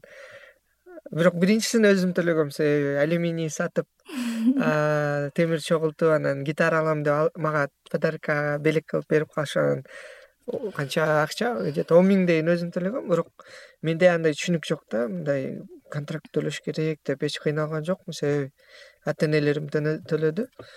Анан э, көбүнчө адамдар эле ошентип төлөшөт өзүлөрү эле анан бирок кандай бул ошо сен мисалы кечке ойлонуп мындай анын үстүнө тамак ашар эркин өзүң кылдың да? Ооба. Баары ну квартираны ну мындай сөз бар го. Взрослая жизнь когда ты э, начинаешь платить коммунальные услуги дегенчи типа чын ошондойлор башталганда а деп түшүнөсүң. Ага чейин подработка кылган менен бирок андай проблемалар жок болчу да анан мисалы квартирага чыгарчумун жол кире мисалы биринчи ну вообще мен э, эмеде универде окуп жүргөндө эмнегедир университеттен аябай алыс жашап турмун да пересадка менен күнүнө жолго деле бир топ акча кетет. Эме бар болчу ну питание тамак ашыңа деле бир топ бир айда эгер эсептесең кетет да. Бирок мен түштөн кийин сабактан кийин иштеген үчүн ошол сабактан кийин иштеген акчам жаап кетчү бул эменичи э, чыгымдарды ал эми жана айтып кеттим го үч айлык каникул учурунда бир ай практикага чыкчубуз профессия боюнчачы анан калган учурда иштеп туруп ошол эки айда чогултуп туруп төкчүм но это нормально. Кышында дагы экинчи семестрден кийин бир он беш күндөй эме берилет го ошондо бир чогултчум акчаны. Бирок аябай деле проблема болгон эмес билбейм. Кечигип атам же деп таба албайм деп. Кайсыл жерлерде иштечү элең мен журналист болуш үчүн вообще то биринчи эме болгом. Тигүүчү болгом деп койбоймунбу подработка дегенде көпчүлүк ойлойт официант болуп же сатуучу болуп же кассир болуп иштеп көрүшөт да. Бирок мага эжем эметкен кеңеш берген сен тиккенди үйрөнүп алсаң бизде азыр еще швейный эме отрасль э тармагы аябай эме го мындай. Өнүккөн. Өнүккөн анан эме көп да талап көп да тигүүчүлөргөчү ошол жак ошону үйрөн деген э, тиккенди үйрөндүм бир эсимде он күн эле кыйналгам. Кечки машинкада отуруп эмең омурткаң ооруйт экен да кускум келип он күндөчү иштебейм деп потому что мындай негизи физический жумушка анча жок болчумун бирок үйрөнгөм айла жок. Потом мындай көнгөм мисалы азыр кээде мындай швейный машиналарды көргөндө мындай тээп көргүм келет да кадимкидейчи мисалы билесиң ооба. Ну короче швеянын акчасы жакшы эле болчу. Себеби көп эле кишилер мисалы эжелер э, ушул жакта иштеп эле үй бүлөсүн багып жүрбөйбү балдарын. Кандай болду эле? Кандай болду эле биринчи акчаңды алганда? Ой биринчи э, акча. эсиңдеби ошо акча алып атам депчи. Же мурдатан бери эле акча таап келип башкача мындай кадимкидей эле көрүнүш болдубу мен биринчи акчам деген сезим болгон эмес ну болгон именно качан кайсы учурда болду эле? Мен кесибим боюнча иштеп анан биринчи жолу айлык алганда ошондо сезим болгон биринчи айлыгымды алдым деп чоң анам менен чоң атам как раз бишкекке келишкен да ошол учурда анан аларга бирден сүлгү анан майда чүйдө носки дагы бирдемкелерди алгам чоң анам менен чоң атама таттуу эми типа бизде салт го ошондой биринчи айлыгыңды таттуу ал депчи ошондой эметкеним эсимде подработка кылгандагы биринчи акчаны мен аябай маани берген эмесмин ал нерсеге. Себеби ага чейин мектепте окуп жүргөндө типа типа деп ну короче мите сөздөр бирок ага чейин деле подработка кылып жүргөн үчүн анын эмеси болгон эмес да мындай биринчи акча дегенчи. Просто акчаң чогултканда все контракт барып төлөш керек деген тапшырма болчу. А кесип менен иштеп тапкан акча башкача болгон чындап канча алдың эле жайлыгымбы кесип мененби же подработка менен. Кесип менен бизде бөлүнчү да. Мисалы ачык эле айтайын журналисттер көп айлык албайт. Кабарчы катары киргем штатка. Анан кабарчынын э, эмеси жети миң айлыгычы бул жанагы мектепке кирсең сегиз миң аласың деген э. сыяктуу эле да. Бирок э, анын дагы бир жыйырма бир проценти эмеге кетет э? Жети миңдин ичиненби беш миң э, беш миң бирдемке алсам керек ошо. Беш миң беш жарым миң акча алгам бул оклад. Анан гонорар өзүнчө эсептелет болчу. Гонорары кандайча эсептелет? Гонорар ошол сенин жазган материалыңдын э, кандай сапатына канчалык мисалы меники криминал окуялар болгон үчүн чындап резонанстуулугуна же болбосо кээде респонденттер макул кыла албайсың да кээде эксклюзивдүү экендигине э, башка смелерге же башка эмелерге чыкпаган маектер интервьюлар болсо ошонусуна жараша бөлүнчү? Гонорар ошондо биринчи алганда зарплата алдыңбы же биринчи алганда маянаңдадыңбы же гонорарларыңды кошуп баарын алдың жок биринчи алганда беш миңди сразу эле которушту картага ну кадимки эле система боюнча оклад өзүнчө. Карта колдончусуң беле ошондо? Ооба эме система ушундай болчу. Картага которот колго бербейчи анан гонорарды э, канча биринчи гонорарым он үч же он беш болсо керек. Чогултуп жыйырма миң же он тогуз миң болду окшойт деп ушинткем а эмнеге чогулттуң эле негизи көбүнчө контракттан тышкары чогултушу элең акчабы. Э. ушул азыр аябай популярдуу эме го. Грамотность э, дегенчи э, менде жок ошол нерсе. Менде болсо эмете берем тарата берем бул менин атаман өтсө керек. Атам дагы ушундай да акча кармабайт бар болсо эле баарына бергиси келип турат да анан мен дагы ошондой э, бирок э, чогултканым контрактка чогултчумун. Мен мындай путешествияны жакшы көрүп башка чет өлкөлөргө болбосо деле кыргызстандын ичине айланып келем деген эме болду. Жети областка чейин барып келдим. Ошо ошого атайын өзүң өзүң пландап пландап кээде иш чаралар менен кээде жөн эле эме менен э, таласка барганым эсимде эмеге жанагы улуттук көчмөндөр оюндары болду эле го дүйнөлүк эмес таласта болду эле. Улуттук э, деген дүйнөлүк эмес. Ошону барам мен көк бөрүнү көрөм деп короче ушинтип эметкем да. Азыр эмнеге чогултасыз ошол нерселерге коротком акчамды телефонго ну телефондо жаңыртканга чогултуп туруп.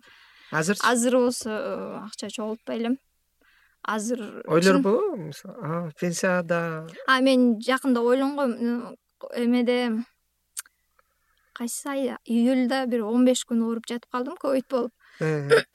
Анан толтура ой келет экен да бекер жатканыңдачы. Анан э, блефропластика деген бар го.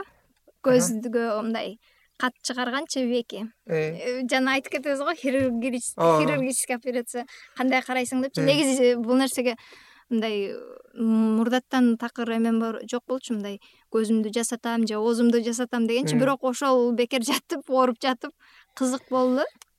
Ошого акча чогултсамбы деп ойлодум. Анан бирок андан көрөкчү ну ну кандай десем компьютерде иштей берип зрениең кеткен да. Анан андан көрөкчү зренияны э, жакшыртканга жанагы лазерный коррекция деген бар го операция. Андан көрөкчү ошого акча чогулткан жакшы го деп ойлодум. Азыр ошого акча чогулса более мындай разумно болот го дейм а так мен акча чогултпойм либо тияка кетип калам либо бияка кетип калам бир жолу эсимде эмне акча эле. Иши кылса тоже бир какой то бир эмеден түшкөн акча болчу. Анан беш миңдей чогултуп туруп ташкентке кетип калгам эки күндүк ташкентке? Э жана популярдуу болду эле го. Беш миң беш жүз десе жүр деп туруп ошону алып кетип подружкам менен барып келгенбиз дагы бир аз акчам чогулуп калганда казакстанга барып келгенбиз турнир казак э, дебатчылары мененчи. Анан калган учурда майда чүйдө чогулткан майда чүйдө эми бир аз акча болгондо областтарга ар түрдүү эмелерге кетип калчумун. Вот. Негизи акчаны чогулткан эч кимде деле жок э. Өзгөчө советтер союзунда жашап өткөн адамдар да жок болсо керек себеби алар. Келечекти аларда баары аларда баары бар болчу да мындай акча чогултуунун кажети деле жок болчу да менин оюмча анан арзанчылык. Э, анан э, негизи ушул тема аябай популярдуу болуп баратат акыркы күндөрү баары э, продуктивдүүлүк өндүрүмдүүлүк акча финансы деп турушат. Анан ошо мындай чоң максаттарды коюп көрдүң беле мисалы билбейм үй алам же болбосо. Негизи машина алам же билбейм эми чоң деп эсептелет бирок мүмкүн долбоор ачам. Да. Негизи бизде бир агайыбыз бар болчу мындай шылдыңдап анекдот айтып калчу биринчи юриспруденцияга окуганы келген балдар сот болом дейт депчи. Э. анан экинчи жылы ну мен типа соттун жардамчысы прокурор же адвокат э, болом э. дейт. Анан төртүнчү курсту бүтүрдө мен жеке нотариус ачам деп гана чыгып кетишет депчи. Ошол сыяктуу кичинекейиңде аябай амбиция көп болот го. Мен ойлочумун мен төртүнчү курсту бүтүп аяктагандан кийин мен унаалуу болом.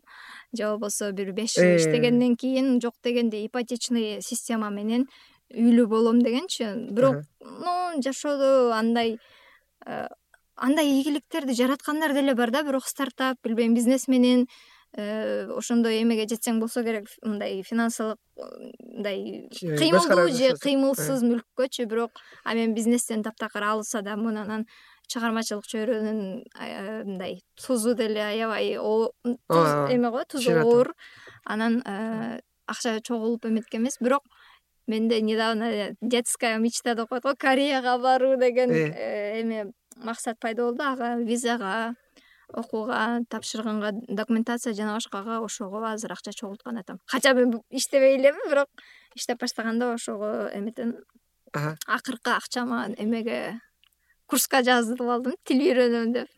Вот. Тамагым эметип калды. катуу көп дагы суроолорду берип атам азыр аз калды. Ошондо подушка жөнүндө ойлоносуңбу подушка мисалы финансовая подушка деп коет мисалы черный день болот да. Ошол учурларда мындай могул акча эки ай жашаш үчүн же бир ай же квартирадан чыгып каласың болгон мен ала тоо жыйырма төрт каналында иштегенде айттым го алты ай бекер иштегем депчи акча вообще мындай киреше жок болгон да анан ага чейин ошол бар акчамды бир он миң он эки миңдей акчам бар болчу төрт ай алдын ала квартирага төлөп койгом. Э, кийин мисалы эме жок болсо жок дегенде квартплата төлөгөнгө акчам жок калбасын депчи. Мындай финансовый подушка или черный день кара күнгө деп акча чогулткан менин оюмча бул психологиялык жактан туура эмес нерсе да сен өзүң өзүңө качандыр бир күн жамандык келишин күткөн сыяктуу да сен наоборот мындай караганда э, бир күнү жок болуп калышы ыктымал да акчаң такыр. Ооба ыктымал бирок билбейм мен такыр антип эметип ойлобойт экенмин же үзгүлтүксүз дайыма акча болуп турган үчүнбү антип кара күнгө деп чогулткан эме жок менде. А если чогултам десең каяка чогултасың мисалы? Картага эле банковский картага эле мага копилка беришкен недавно статусума коюп аткан болчумун. Эмне беришкен? Копилка акча чогулткан идишчи анан аны мынтип астынан ачса болот да. Чогулткан акчаңды ала берчүмүн да. Ошон үчүн копилкам жөн эле жаткан анан недавно жакшы ой келди мен жана түрдүү терминалдардан тияктан бияктан банкоматтардан или тейлөө или дүкөндөрдөн э, эме болот го чектер болот го. Э. ошол чектерди копилкага салып атам. Жөн элечи для прикола. анализ кылганга же как это кандайча для прикола башында ойлодум анан бирок балким мисалы бир жыл ичинде ошол чектердин суммасын чогултуп туруп эсептеп калькулятордон канча чыгаша чыгардым деген анализ кылсам болчу да экен да. Вот копилкага акча эмес эле чек чогулуп атат азырынча. Вот. Чыгымдар. Э чыгымдар кореяга барып кандай пландар бар? Кореяда эмнеси менен кызык? Негизи айттым го мен кейпоп менен жакында эле алектенип баштадым деп ну кызыгып баштадым депчи анан мурда кичинекейимде мен журналист болом мен буга жетем тигиге жетем деп мен бир эле максат эле койчу экенмин да мындай кыял деген жок экен да мечта дегенчи анан менде азыр мындай переходной возраст сыяктуу болуп btstин концертине баргым келет деген мечта пайда болду да. Но это бул дагы көп бул дагы жакшы көрүнүш болуш керек. Себеби ооба кыргызстанда баары эле э, неме жөнүндө ойлобойт да концерт. Ооба себеби кандай десем башкача группа билбейм мындай аябай эмелери көп эмеси жагат. Ошон үчүн концерт мен негизи вообще кыргыз кыргыз эстрадасында концерт болгондо барбайм да эмнегедирчи баргым деле келбейт ал нерсе негизи эстрада же ну негизи независимый авторлор любой эле концерткечи бирок эмнегедир өмүрүмдө биринчи жолу концертке баргым келди. Анан кореяга ойлодум мен либо магистратурага тапшырам либо тилди үйрөнүп туруп work and travel деген программалар аз эле экен кореягачы бирок ошондойлорду карап туруп балким жөн эле иштеп бир эки үч жыл жашап келгендей башка чөйрөнү башка маданиятты башка кишилерди көрүп аба алмаштырып концертке түшүп барып дегендейчи. А концерттин акчалары канча билеттери? Кымбат экен. Кымбат э? Алар определенный белгилүү бир сайттарда гана сатылат. Анан концерт болот деп мындай намек бергенде эле мындай спойлер болуп калса эле уже Э, эменин билеттер билеттер алдын ала эме брондолуп коет экен да мындай буйртма кылыпчы алар еще мындай бар го вип зона анан арткы зона деген сыяктуу түрдүү экен мисалы эң арткы зонадан эме алсаң болот да мындай акчаң среднестатистический адамдын акчасы жетет. Бирок э, мындай жакындан албайсың. жакындан көрүп сен чындап концертте болгон атмосфераны сезиш үчүн бир топ эле каражат салышың керек экен а бул жакта концертке барып көрдүң беле чет элдик исполнительдердин? Кайсы? эки миң он сегиз беле эме деген болду эле го. Азыр унутуп калдым. Бирдемке фест деп э, жанагы ятансор эмеспи жок.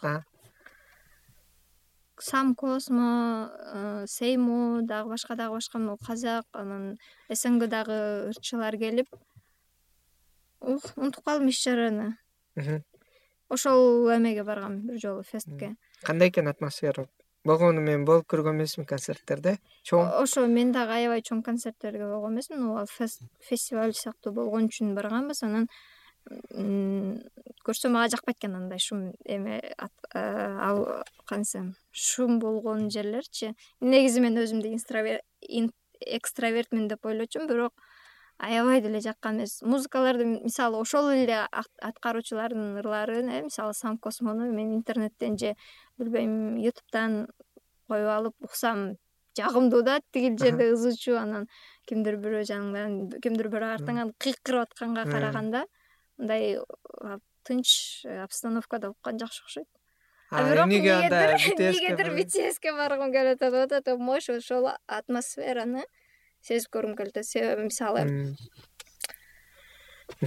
кандай десем көпчүлүк еще менде эме бар болчу. Аябай димашты жакшы көрүп жүргөн азыр деле жакшы көрөм. Димашты эметкенде димаштын концертине баргым келген. Себеби анын үнү уникалдуу го анан ошону угуп көргүм. Прям өзүмдүн кулагым менен да мындай через э, гаджет эмес өзүң живой уккум келген. Btsти дагы ошондой эме болуп атат да. Мисалы ошол эле ырларын допустим fire дагы dna батыр деген сыяктууларды чыныгы. чыныгы жандуу үн менен уккум келген үчүн ошондой эме болду окшойт. Албетте. Корея албетте корея темасы мен э, ойлойм ишиңе ишке ашат. Эгер кореяга барып калсаң тиги кореяга барып келгенден кийин анан дагы сүйлөшүп атпашыбыз керек жок жака чакырам сөзсүз. Барып келсең буйруса эстейбиз да. Ооба анан э, ну ийгилик. Рахмат. Барып э, жакшы ошо негизи эле кызыгуу менен жашаган керемет да баягы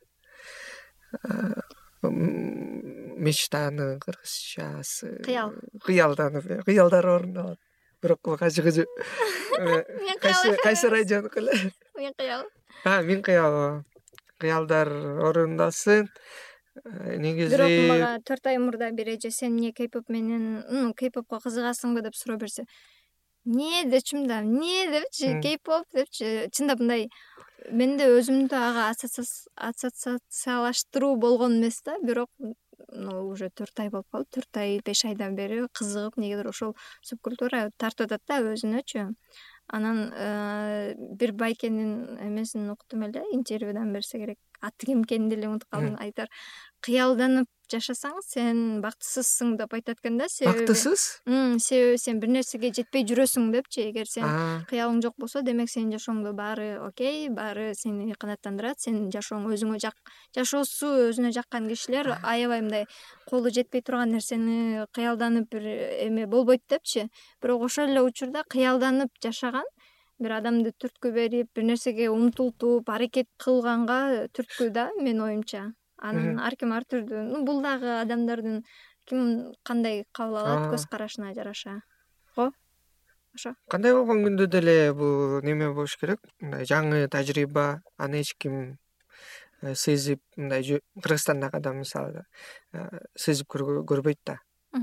Среднестатистический адам аны эми барбайт мүмкүн кызыкпайт агачы аны жашабайт. А сеники уникалдуу опыт болот ошо көрдүм дегенчи анан мен ушул теманы айтып атсаң эске келип кетип атпайбы? бир орус журналисти чыгармачыл адамчы неме деп айтканда аябай кошулдум бир чети бирок бир чети мындай негатив кайраттуураак эмоцияларды дагы жаратышы мүмкүн бирок мынтип айтат кээ бир адамдар ошо жанагындай өзүнүн ичине дүйнөнү жаратып алат дейт ал идеал менин оюмча мен ойлоп атам ошо бул идеалдуу же идеалдуу эмес э, дүйнө да. Мисалы кыргызстанда мындай кыргыздар мындай деген сыяктуучу же болбосо кыргыздар кыйынбыз же мындайбыз депчи кыргыздар укмуш күчтүү болгонбуз же мисалы.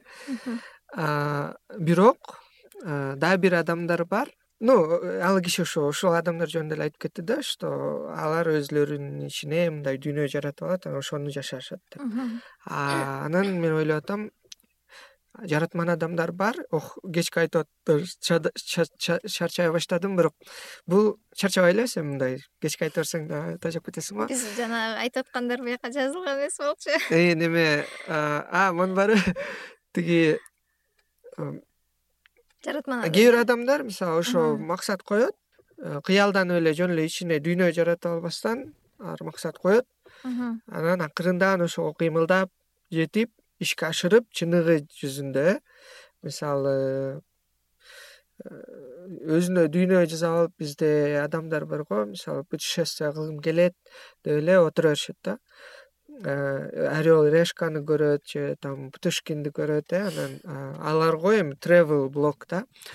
Анан а биякта мындай экен? деп идеализировать этип мындай өзүнө дүйнө жасатып алышат анан диванда жата беришет а кээ бир адамдар бар вот сага окшоп мисалы ойлонушат барып келсем депчи. То есть реальный бул уже чыныгы жашоо менен контакт болуп атат и ошого умтулушат кылышат жасашат анан жашоонун ар түрдүү юзүрүн көрөт да. Мен жана айттым го. Бирок жазылган эмес бирок кайра айталам кайталайм эми буга чейин ушинтип чет өлкөгө кетиш керек деген тааныштарымды досторумду курбуларымды силер саткынсыңар дечүмүн да. Эмнеге кыргызстанды чаанасыңар депчи? Бирок мен мындай э, мындай лишь бы свалить со страны деген адамдарды ушинтип сындачумун да. А бирок башка өлкөнү көрүп кандайдыр бир тажрыйба алып келип ошону кыргызстанга кайра колдонгон менин оюмча жакшы эле нерсе да анан мен тоже кандай десем мурда чет өлкө ну тогузунчу онунчу он биринчи класста англис тили окуган классында окуганбыз анан бүт классташтарыбыз парижге же лондонго же америкага кеткиси келчү тойфл тапшырып флекске катышып ушундай эмелер болчу да кыздар балдар. Анан аларга да айтчумун да эмнеге силер эмеде мисалы америкада жашагыңар келет кыргызстанга жетери жок деп элечи ну а бирок азыр ойлосом кандай десем сен баары бир кыргызсың айланып тегеренип кайра эле келесиң ат айланып казыгын тагат деген сыяктуучу бирок жер көргөн жакшы го дейм. жакшы болот. Анан коеюп бери туруп бирдемке кылышып отур начать нужно деп барып жок дегенде тил үйрөнгөндөн башта дедим. Вот ошол менин оюмча бөлүп койсок болот болуш керек. Баягы адамдар бар барып көрүп келгиси келет же мындай өзүнүн жашоосун жашап атканчы а кээ бир адамдар бар жөн эле ошол эле жанагы айтып аткандарчы. Мисалы кетиш керек болбой калды дегендер ал уже вот как раз таки башында дүйнө жаратып алган адамдар да. Алар өзүлөрү конкреттүү шагтарды койбой эле бирок ошентип беришет да мисалы мынтиш керек тигинтиш керек деп бир эмени эстеп кеттим. Человек начинает умирать когда перестает мечтать дегенчи аябай жаккан ошол фразачы. Анан Э, жанагыдай адамдар тууралуу айтып атсаңыз эмненен мечта менен баягы неменин айырмасы болсо керек? максаттын ну мечта менен жанагындай план. деструктивдүү айтууларчы мисалы. Болбой калды эмне муну укканда эми макул деп коесуң болду да. То есть эмнеге түртөт түшүнбөйм да менин оюмча ал киши ошо именно жанагы адамдар жөнүндө айтты го дейм да.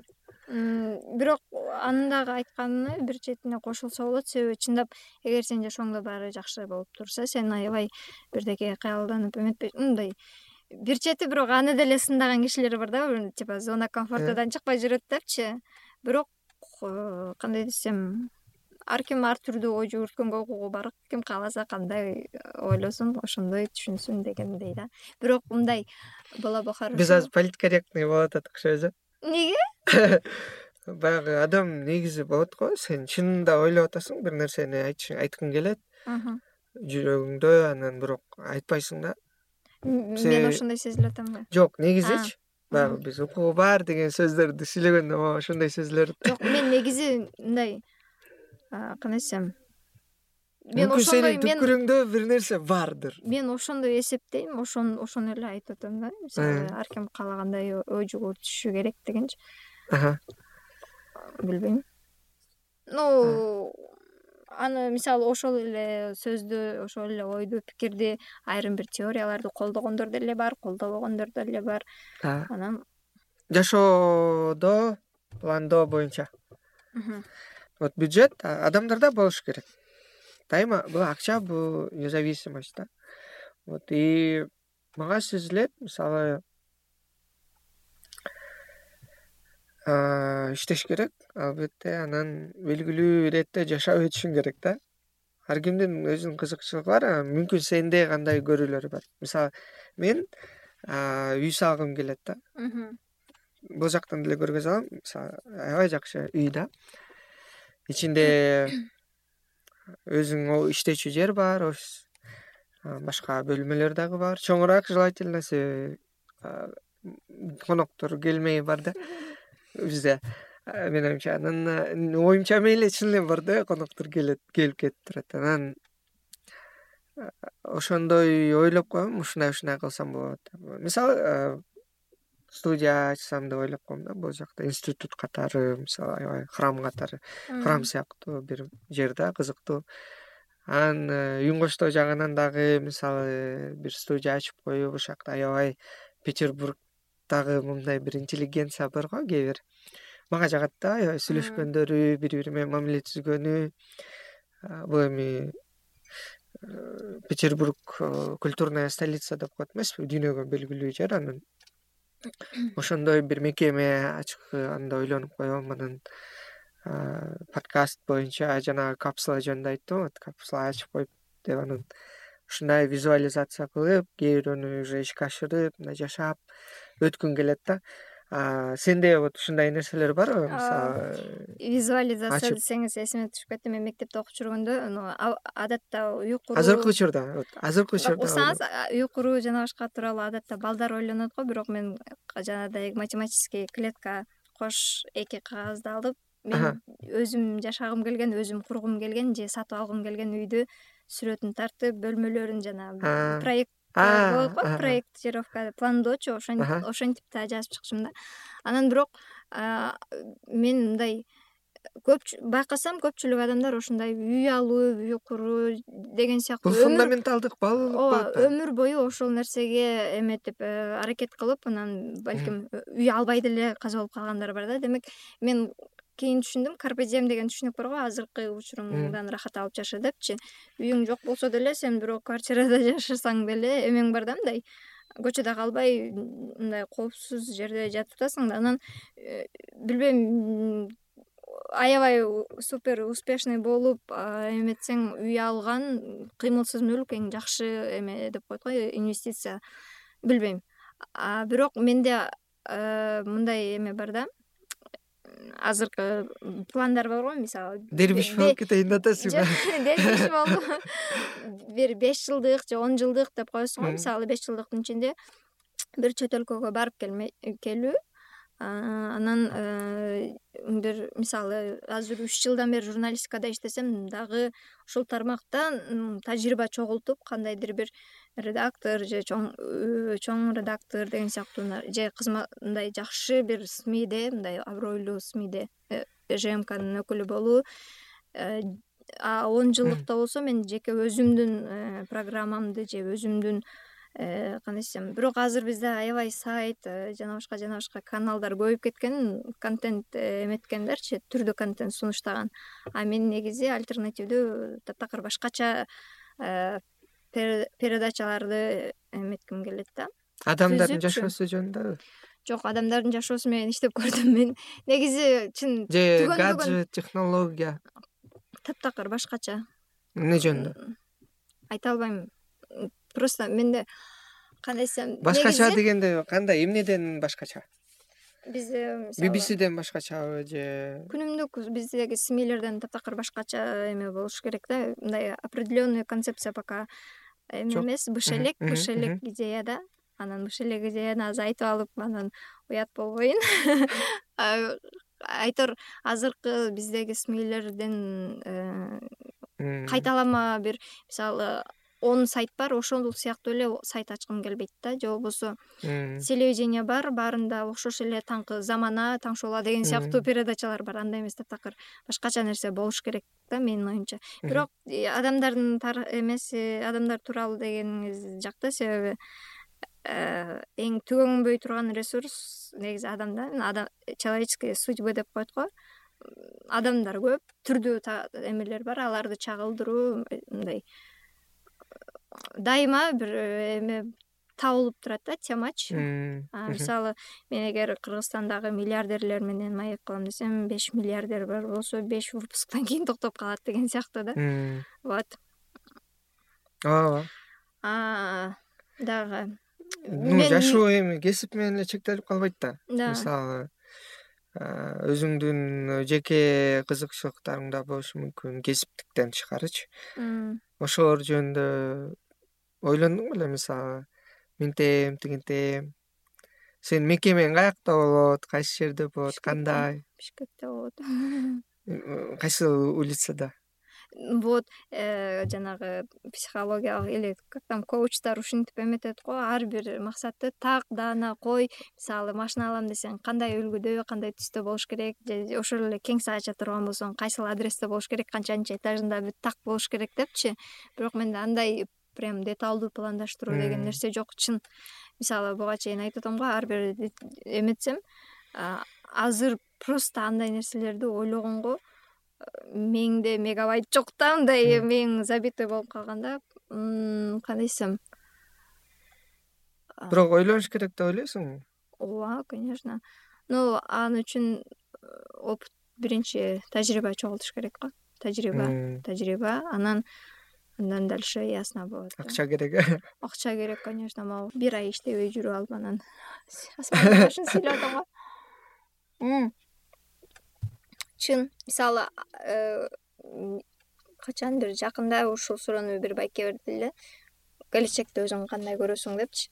А мен кичинекейимди өзүмдү элестеткен эмени азыр жашап атам да. Мисалы мен журналист болуп бир жерде иштегим келет анан укмуш э, адамдарга жардам бергим келет депчи мисалы баткендеги бир баланы баткендик баланы чагылдырып анан президентке жолугуп атасыны эмеден соттон чечип то есть э, россиядан кайра келе турган болгондо мен түшүндүм да а демек мен деген жардам бере алат экенм кимдир бирөөгө? мен деген мурда ошондой элестеткен айпери боло алдым да. Анан азыр уже башкача нерсени элестеп башка нерсени пландап башка нерсени максат коюшум керек го дейм да.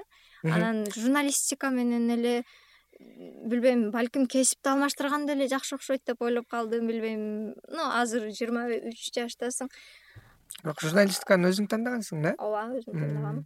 Бирок э, мындай бизде көп айтылат го типа сен өмүрүңдү эки тандоону туура жаса өмүрлүк жолдошуңду анан кесипти депчи. Бирок кесип алмашып кетиши мүмкүн. Мисалы сен бир чөйрөдө он жыл жүргөндөн кийин уже жаңы эч нерсе үйрөнбөсөң анда башка нерсеге өтүп кеткен бул нормалдуу эле көрүнүш сыяктуу да. интернетте уникальный деп жүрөт экенсиң байкап калдым эмнеге андай никти тандап алдың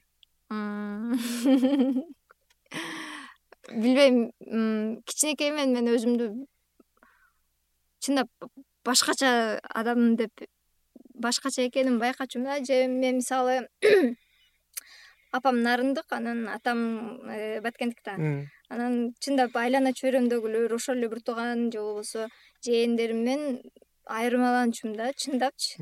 Классташтарымын деле мектепти бүткөндө деле мисалы окуп азыр иштеп жүргөндө деле мен көп көз карашым билбейм. Көп нерсем башкаларга окшобойт экен эмнегедир че то мен башка планетадан түшүп калганбыбы деген сыяктуу ой болчу. Бирок көрсө негизи эле бул нормалдуу нерсе адамдардын баары уникалдуу экен.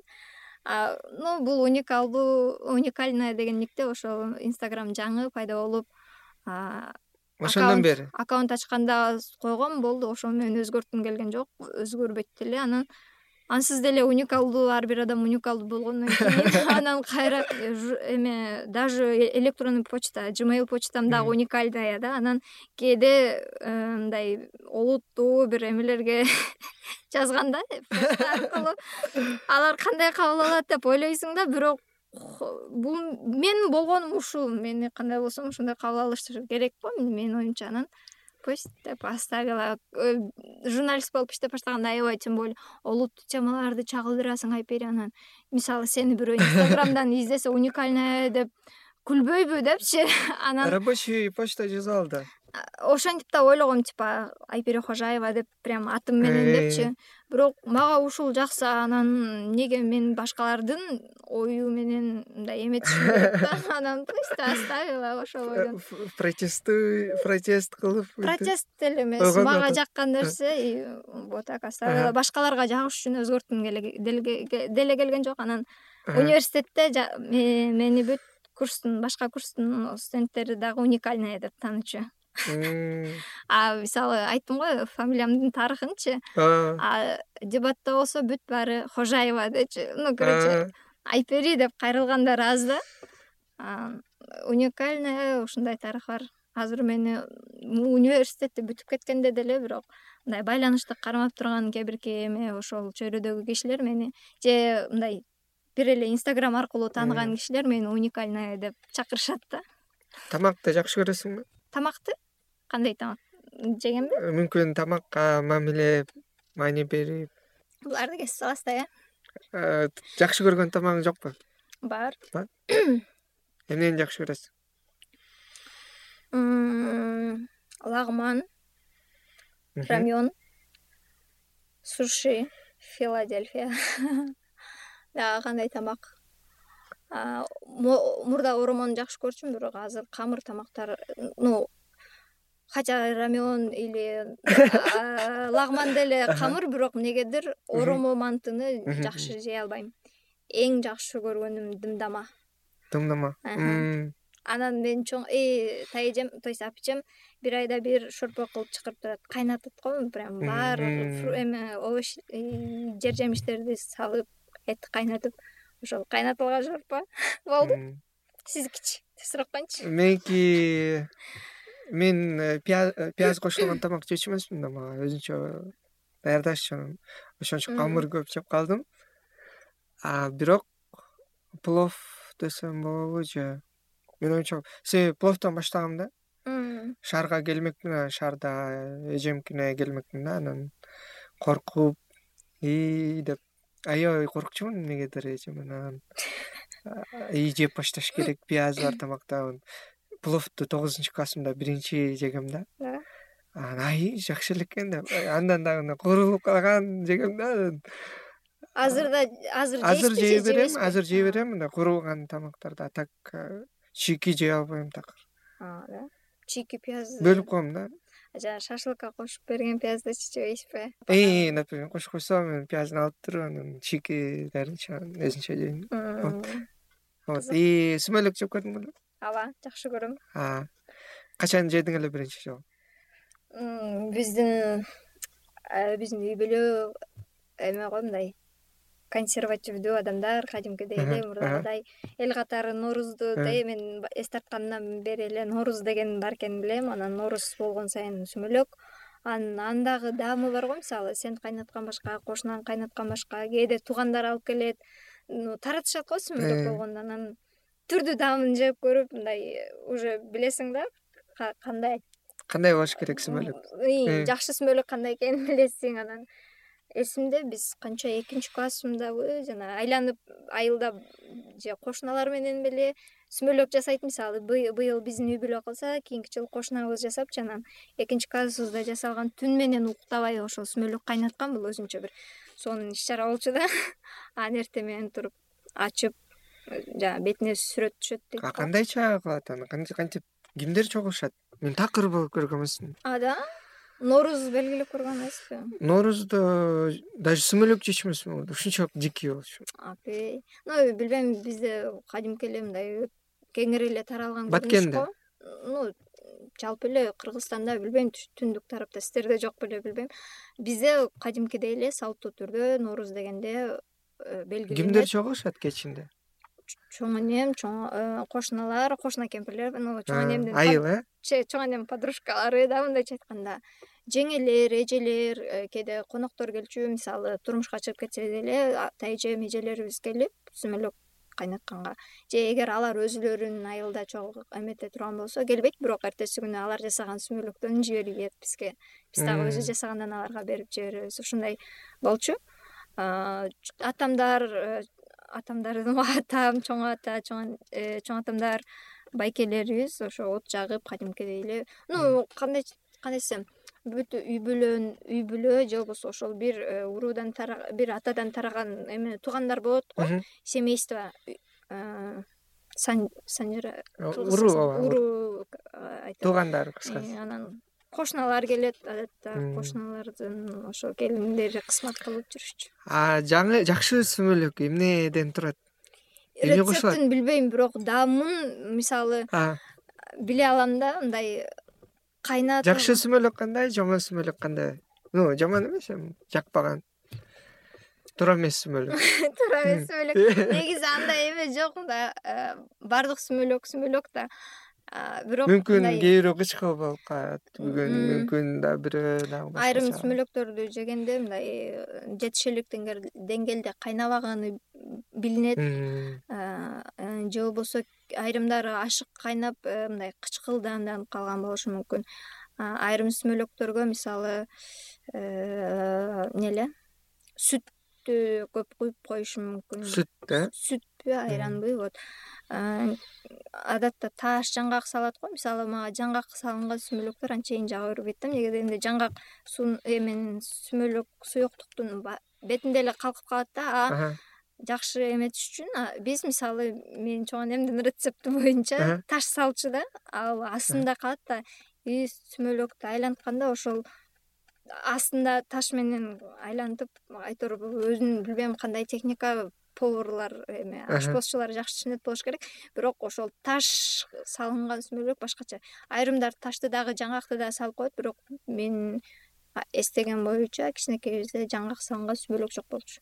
Жаңгакты кандай салат ошондо? Бүтүнтүйдөнбү же ооба кадимки эле греческий жаңгак деп коет го тоголок жаңгакты жууп салат таштарды дагы жууп биз атайын ну кичинекей сүмөлөк э, жасаганда нооруз байрамында кичинекей балдардын тапшырмасы кыла турган иши таш чогултмай бир бармактай тырмактан чоң болгон э, муштумга жетпейт. Кичинекей таштарды мындай өзүнчө көлөмдөгү таштарды чогултуп жууп бермей биздин жумушубуз болчу. Вот. Жегенде чындап айырмасы болот. Мисалы жылына бизде эмеде аянтта же э, эме соода борборлорунда сатылат го ал сүмөлөктөрдү алып жегенде мен кичинекейимде жеген даам болбойт. Чын же балким жасаган техникасы башка болгон үчүн же мен тигил эмеге көнүп калган үчүн же негизи эле адам жашоосунда кичинекей кичинекей кезинде жеген тамактын даамы башка болот го вот. Сүмөлөк тууралуу сүйлөш сүмөлөктөн тышкары дагы ойночубу белеңер кичинекейиңерде балдар менен ну жакында squid games чыкты. Ошол сыяктуу кальмар оюну. Бизде жанагы баткенде кандай ойношчу эле адамдар? Ну балдар кандай ойночу элеңер чүкө ойношчу беле чүкө сыяктуу ну эркек балдар ойносо керек. Мен бирок э, кыздар менен жанагы топ таш деген бар го. Э. беш ташты алып анан. Эмени ороп алат э жипти ороп берчү беле кээде жок топ катары таш беш даана таш болот анан өйдөгө ыргытып анан чогултуп ооба ооба ар түрдүү эме раунддары бар да типа уровеньдеричи ошону ойночубуз анан биз мектепте окуп калган кезде жанагы э, тоголок топтор желим топтор пайда болгон алия деп дубалга атып түрдүү мисалы бир кол менен кармап же бир көзүңдү жумуп короче секирип же болбосо айланып кармап топтучу кайра э, дубалдан кайра кайтканга чейинчи ошол сыяктуу оюндарды ойночубуз скакалкалар менен эме секирип эме бар го. Атын унутуп калдым. Айтор жип чоюп алчу жип да э. жип бирок мындай кадимки эмеде спорт залдарда колдоносуң го секирген. Скакалка. Скакалка менен ошол ойночубуз да. Эки үчөөңөр ортого туруп аласыңар анан айлантат э? э. Айлантат же болбосо бутка ийилип алып туруп түрдү мисалы эгер болчу мисалы колтукка чейин болсо сен аны аттап өтө албайсың да анан э. сальто ашып өтчүбүз короче ушундай оюндар бар болчу орто топ орто топ победа деген бар болчу кагаздарды эметип көңкөрүүсүнөн турат да ачып анан ошол эле учурда топ атылып турат орто топ э, сыяктуу элечи э. анан теришиң керек мисалы жыйырмага чейин болсо бир эки үч бүт баарын терип бүт эң аягында топ эгер тийген болсо чыгасың. Э. эң аягында калган оюнчу ошону бүтүрүшү керек да. Эгер ал дагы бүтпөй калса оюн то есть ошол топ команда утулат да анан кийинки ошол топту ататкан кишилер ортого турат бирок ал жерде орто топ сыяктуу эле болгону кагаздар менен победа деп ойночубуз анан он эки таяк дегенди ойночу элеңиздер сиздер жок. Ал кандай эле майда майда кандай десем бир он он беш сантиметр таяктарды чогултуп туруп анан биз эмнеге шпыргыга койчубуз дагы? Астында кыш шпыргы мисалы могуну көргөзөйүнчү кашык. менен могул жерге таяктарды коесуң да. Анан э, бул жактан басат бирөөчү тепкенде чачырайт эме таяктар. А сен ошол э, эмени баскан таяктарды чачкан киши э, башка катышуучулар чогултпагандай болуш керек да аларга тоскоолдук кылат. Эгер оюнчулар качып бирок кайра келип э, таяктарды чогултуп баарычы кайра ордуна кое турган болсо анда тигил киши жеңилет да анан башка адам алмашат. Эгер такыр чогулта албай калышса мисалы беш алты киши качып чогулуп жүрөт деп коелу да такыр колдон келбей баарын кармап алса мисалы кууйт го артынан кууп э качма топ. барып кармап эметкен болсо уже оюндан чыгат дагы. Аягында таяк чогулбай калса утуласың да анан кайра эле ошол киши кайра таякты чачат. Болбосо эгер чогултуп койсоң башка киши болот. Анан көз көздү мынтип таңып алып ойночубуз как это кандай э, аталат? тапмай бирдеке тапмай көз таңмай. Көз таңмай сөөгүр кытмайчы? Ак чөлмөкпү? Ак чөлмөк ак чөлмөк ойногон эмесмин эмнегедир кечинде ойношчу эле го. Кечинде балким бирок биз кечинде чыгарчу эмес чоң деп койду. А мектепте эме ойночубуз. Жанагы эле ак терек көк терек э, орто топ. орто топ эме бар болчу салмайбы жоолук таштамайбы чогулуп турасың анан бирөө сени айтор. бирдей эле э айланып келип бизде деле ошол оюндарды ойночубуз дагы кандай бирок жанагы шпыргы боюнча билген жокмун ошо жаңы нерсе экен мүмкүн мен он эки таяк деп ойночубуз он эки таяк э бул маалымат дагы тарыхка калып калат болуш керек бул жөн эле подкастка кошпойсуз го бул нерселер адамдарга кызыктуу да кээ бир адамдар мисалы европада уже мурдакы воспоминанияларды унутуп жанагы skit games дегичейчи то есть э, уже ошол ощущенияларды унутуп бараткан адамдар кадимкидей эстейт да элестет азыр. Эч ким ал жөнүндө унутуп каласың. Ооба биз мурда ордо ойночубуз чүкө атып. Э, үч тапанды ойночубуз атасың чүкө учуп кетсе там тапандап үч тапандан ашык болсо аласың ошо чүкөнчү вот и аябай кызыктуу экен. Мен оюндардын атын унутуп калдым бирок бизде дагы бир оюн бар болчу. Ошол squid games игра в кальмара сыяктуу да. Мисалы ал кукла ырдап ырдап артка караганда токтоп калып атат го. Ошол сыяктуу болчу да мисалы бир киши турат бир стартта анан э, бир нерсени колунда айталы бир таш бирдемкени ыргытат. Арал кайсы бир аралыкка түшөт да анан канча кадам болот алдын ала мындай примерно божомолдоп айтат. Анан аны мындай чоң кадамдар менен эмес монтип кумурска кадам деп коет го монтип монтип басып жетиш керек. Эгер айткан саны чыкпай туура чыкпай калса кийинки киши андан дальше андан ары улап э, кетет да. А эгер э, туура чыгып калса ал жеңет жана башка азыр нюанстарын унутуп калдым ушундай да оюм бар болчу анан бирөө бар болчу. Эмнеси менен окшош болуп калып атат ошондо стартта турат анан тигилер бул жактан жетиш керек да эмеге чейинчи тиги стартка чейин. Анан бар болчу э, мисалы тапшырма берчү. Эгер да ушул эгер сенин саның айткан саның менен туура келбей калса сага тапшырма берет. Мисалы бакага окшоп бас. Же болбосо он жолу мынт же тинт же болбосо сойлоо депчи. Кадимкидей жерге жатып отуруп сойлошуң керек да айтор ошол эмеси менен окшош болчу. Э, тигил бурчтан ал стартка чейин сен келишиң керек да. Музыкага кандайсың?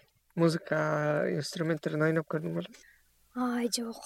Мага мындай сезилип атат да аябай мүмкүн биз жалпысынан рационалдуу адамдарбыз баягы башыбыз менен көбүнчө ойлонгончу. Мүмкүн журналистика деле ошондой э мен такыр үйрөнө албай койдум да музыка эле инструменттерди жакшы ойногонгочу анан мындай выводко келдим.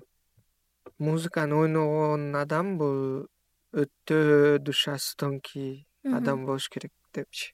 Мен бир психологдун интервьюсунан уктум эле негизи эле бала адамды тарбиялаганда бала тарбиялаганда сөзсүз түрдө бир музыкалык э, аспапта ойнотуш керек сөзсүз түрдө бир спорттун түрүнө бериш керек. Анан сөзсүз түрдө бир кошумча тил үйрөнүш керек деген үч эме бар экен да. Но бул адамды физикалык жактан акыл эс жактан мисалы тил үйрөнгөндө анан музыка жактан мындай кандай деп коет искусство духовный искусство деп коет го мындай табитин өстүрөт экен да. Мен кичинекейимде комуз ойногум келчү менин атам ыр жазып анан аранжировка ушундай бирдемкелер менен алектенчү да. Ошон үчүнбү жакшы көрчүмүн бирок комуз өмүрү менде эме болгон эмес мындай чертип көргөн эмесмин бирок на слух деп коет го. Э. мындай уккан нотамды жаттап калып пианиноны бир аз бир аз билчүмүн бетховендин колизе деген эмеси бар го. Ошонун припевин гана эметкенди билем ойногонду билем. Комуздан фортепиано фортепиано. Андан башка инструменттер жок. Гитараны үйрөнөм деп болбой койду го. Бул колдорум менде жөндөм ал үчүн аябай жөндөм керек. Окшойт. Кичинекей сеники бирок жакшы окшошуп аткан эле а да. Ооба мен бир жолу музыка музыкалык макетте окуган балдардан балдар тууралуу ошол эме тууралуу эме жасап материал жасап анан кыдырып чыктык да. Комуз ойногондорду фортепиано дагы саксофон бар экен үйлөнмө аспаптар мененчи түрдүү анан көрүп чындап эле музыкалык жок дегенде бир аспапка бериш керек экен баланы деп ойлоп калдым. Чындап башкача башкача кичинекей бала болсо дагы башкача экени билинип турат да. Ошо анан биздин подкастты аяктап э, биздин угармандарды дагы унутпайлы э, чоң э, дискуссия болуп кетти окшойт анан. Ортосунда темаларды алып салат. Алчу жерлер аягында мүмкүн бардыр. Бирок жалпысынан мага жакты подкаст ошо адамдар өзүнүн опыту өзүнүн тажрыйбасы жөнүндө айтып берип аткан бул дайыма кызыктуу. Анан биздин угармандарга дагы айта кетели кайрыла кетели. Бизде конокто болгон айпери айпери? Э айпери айпери. Кожаева кстати кызыгуу кылат да? Кожаева кызыктуу. Айтып берейинби э, аяктап калса деле айтып берейин мен всегда дайыма кожаева десем эмне эмне анан жазганда д менен жазып коюшат всегда айтам да дны жок д жок. Анан ада одон кийин сразу ж жазылат депчи. Анан э, сен эмне өзбексиңби мен еще маткендикмин да. Э. алар ойлойт да мындай аралаш балким депчи. Анан узун кылып түшүндүрүп берем да фамилиямдын тарыхынчы. Мен чоң атамдын аты негизи алишер. Бирок анын атасынын аты кожо анан э, ссср убагында жанаг документтештирүү тиги э. болгондо баткенде эми же өзбек киши иштеген же э, ташкенттен окуп келишчү да мурда эме биздин интеллигенциячы же ташкенттен окуп келген киши болот дагы кожаев деп жазып коет анан чоң атамдын фамилиясы ошондой атамдын фамилиясы ошондой анан документте калып калган нерседи мен туруп туруп эле эмете албайм да как оно есть калган кожаева деп. Анан кээде тамашалайм мен деген өзбектин кызымын депчи сен окшошпойсуң го дешет короче. Ушундай узун эмеси бар кичине тарыхы бар. Менин атым айпери кожаева сиздер менен эме болдум. Айпери өзү подкастчы журналист жана рейка любештин коштасты жабызда үйүнчү болуп келет. Туруктуу туруктуу деп айтсам болот. Себеби айпери дайыма келет колдойт. Биздин долбоорлорго катышып турат. Чаттарда дагы аябай активдүүрөөк айтылуу тариэлди обсуждать атабыз жок мага негизи ушул эме жагат айтылуу тариэл деген сөз жагат. Ансыз деле көп айтабыз го себеби ал дагы аябай таланттуу ал жигит дагы ошо өзү кылып аткан иштерин негизи коштоодогу кишилердин баары жагат мага анан э, анын үстүнө ал дагы ким э, нурак абдрахманов дайыма айтам себеби э, өзү дагы мындай белгилүү иретти алып жүрөт. Ал дагы сага окшогон мындай уникалдуу бала уникалдуу адам. Анан нурак абдрахмановдун окуучусу болот. Ошо ушундай таланттуу адамдар келет ошо айпери дагы биздин бир бөлүгүбүз. Анан дагы калпчындык подкастынын автору болуп эсептелет. Э, шилтемеге э, калтырып коебуз ушуну менен биз э, кажы кочо подкастын аяктайбыз. Анан акыркы сөздү айпериге берет элем. Айпери биздин угармандарга эмне каалап кетет элең? Биздин подкастты apple подкастта угушат google подкаст spotify билесиң. Мен угандайым. Мен өзүм сиздердин дайымкы угарманыңыздармын. Анан ошо өзүңө мага сөз э өзүңө дагы деп тамашалап кетейин биздин угармандарга айта кетсең. Эмне каалайт элең мен журналист болуп аябай деле көптөн бери иштебейм бирок дайыма интервью алганга көнүп калгам да анан интервью берген башкача болот экен. Недавно жакында эле ушинтип бир кыска эле бир видео үчүн суроо жооп болгон. Аябай ыңгайсыздангам да анан биринчи жолу мындай толук узак мөөнөткө интервью берип атам. Кызыктуу болду деп ойлойм. Угармандарга дагы балким журналистикага балким үн коштуугу котормого же балким дебат менен кызык мындай алектенгиси келип кызыгып жүргөн кишилер үчүн балким кандайдыр бир э, пайдалуу маалымат э, болду окшойт деп ойлойм кажы кожунун айтып кеттим өзүм дайымкы э, угарманымын. Мындан кийин да негизи келген коноктор менен көтөргөн темаларыңыздар аябай жагат.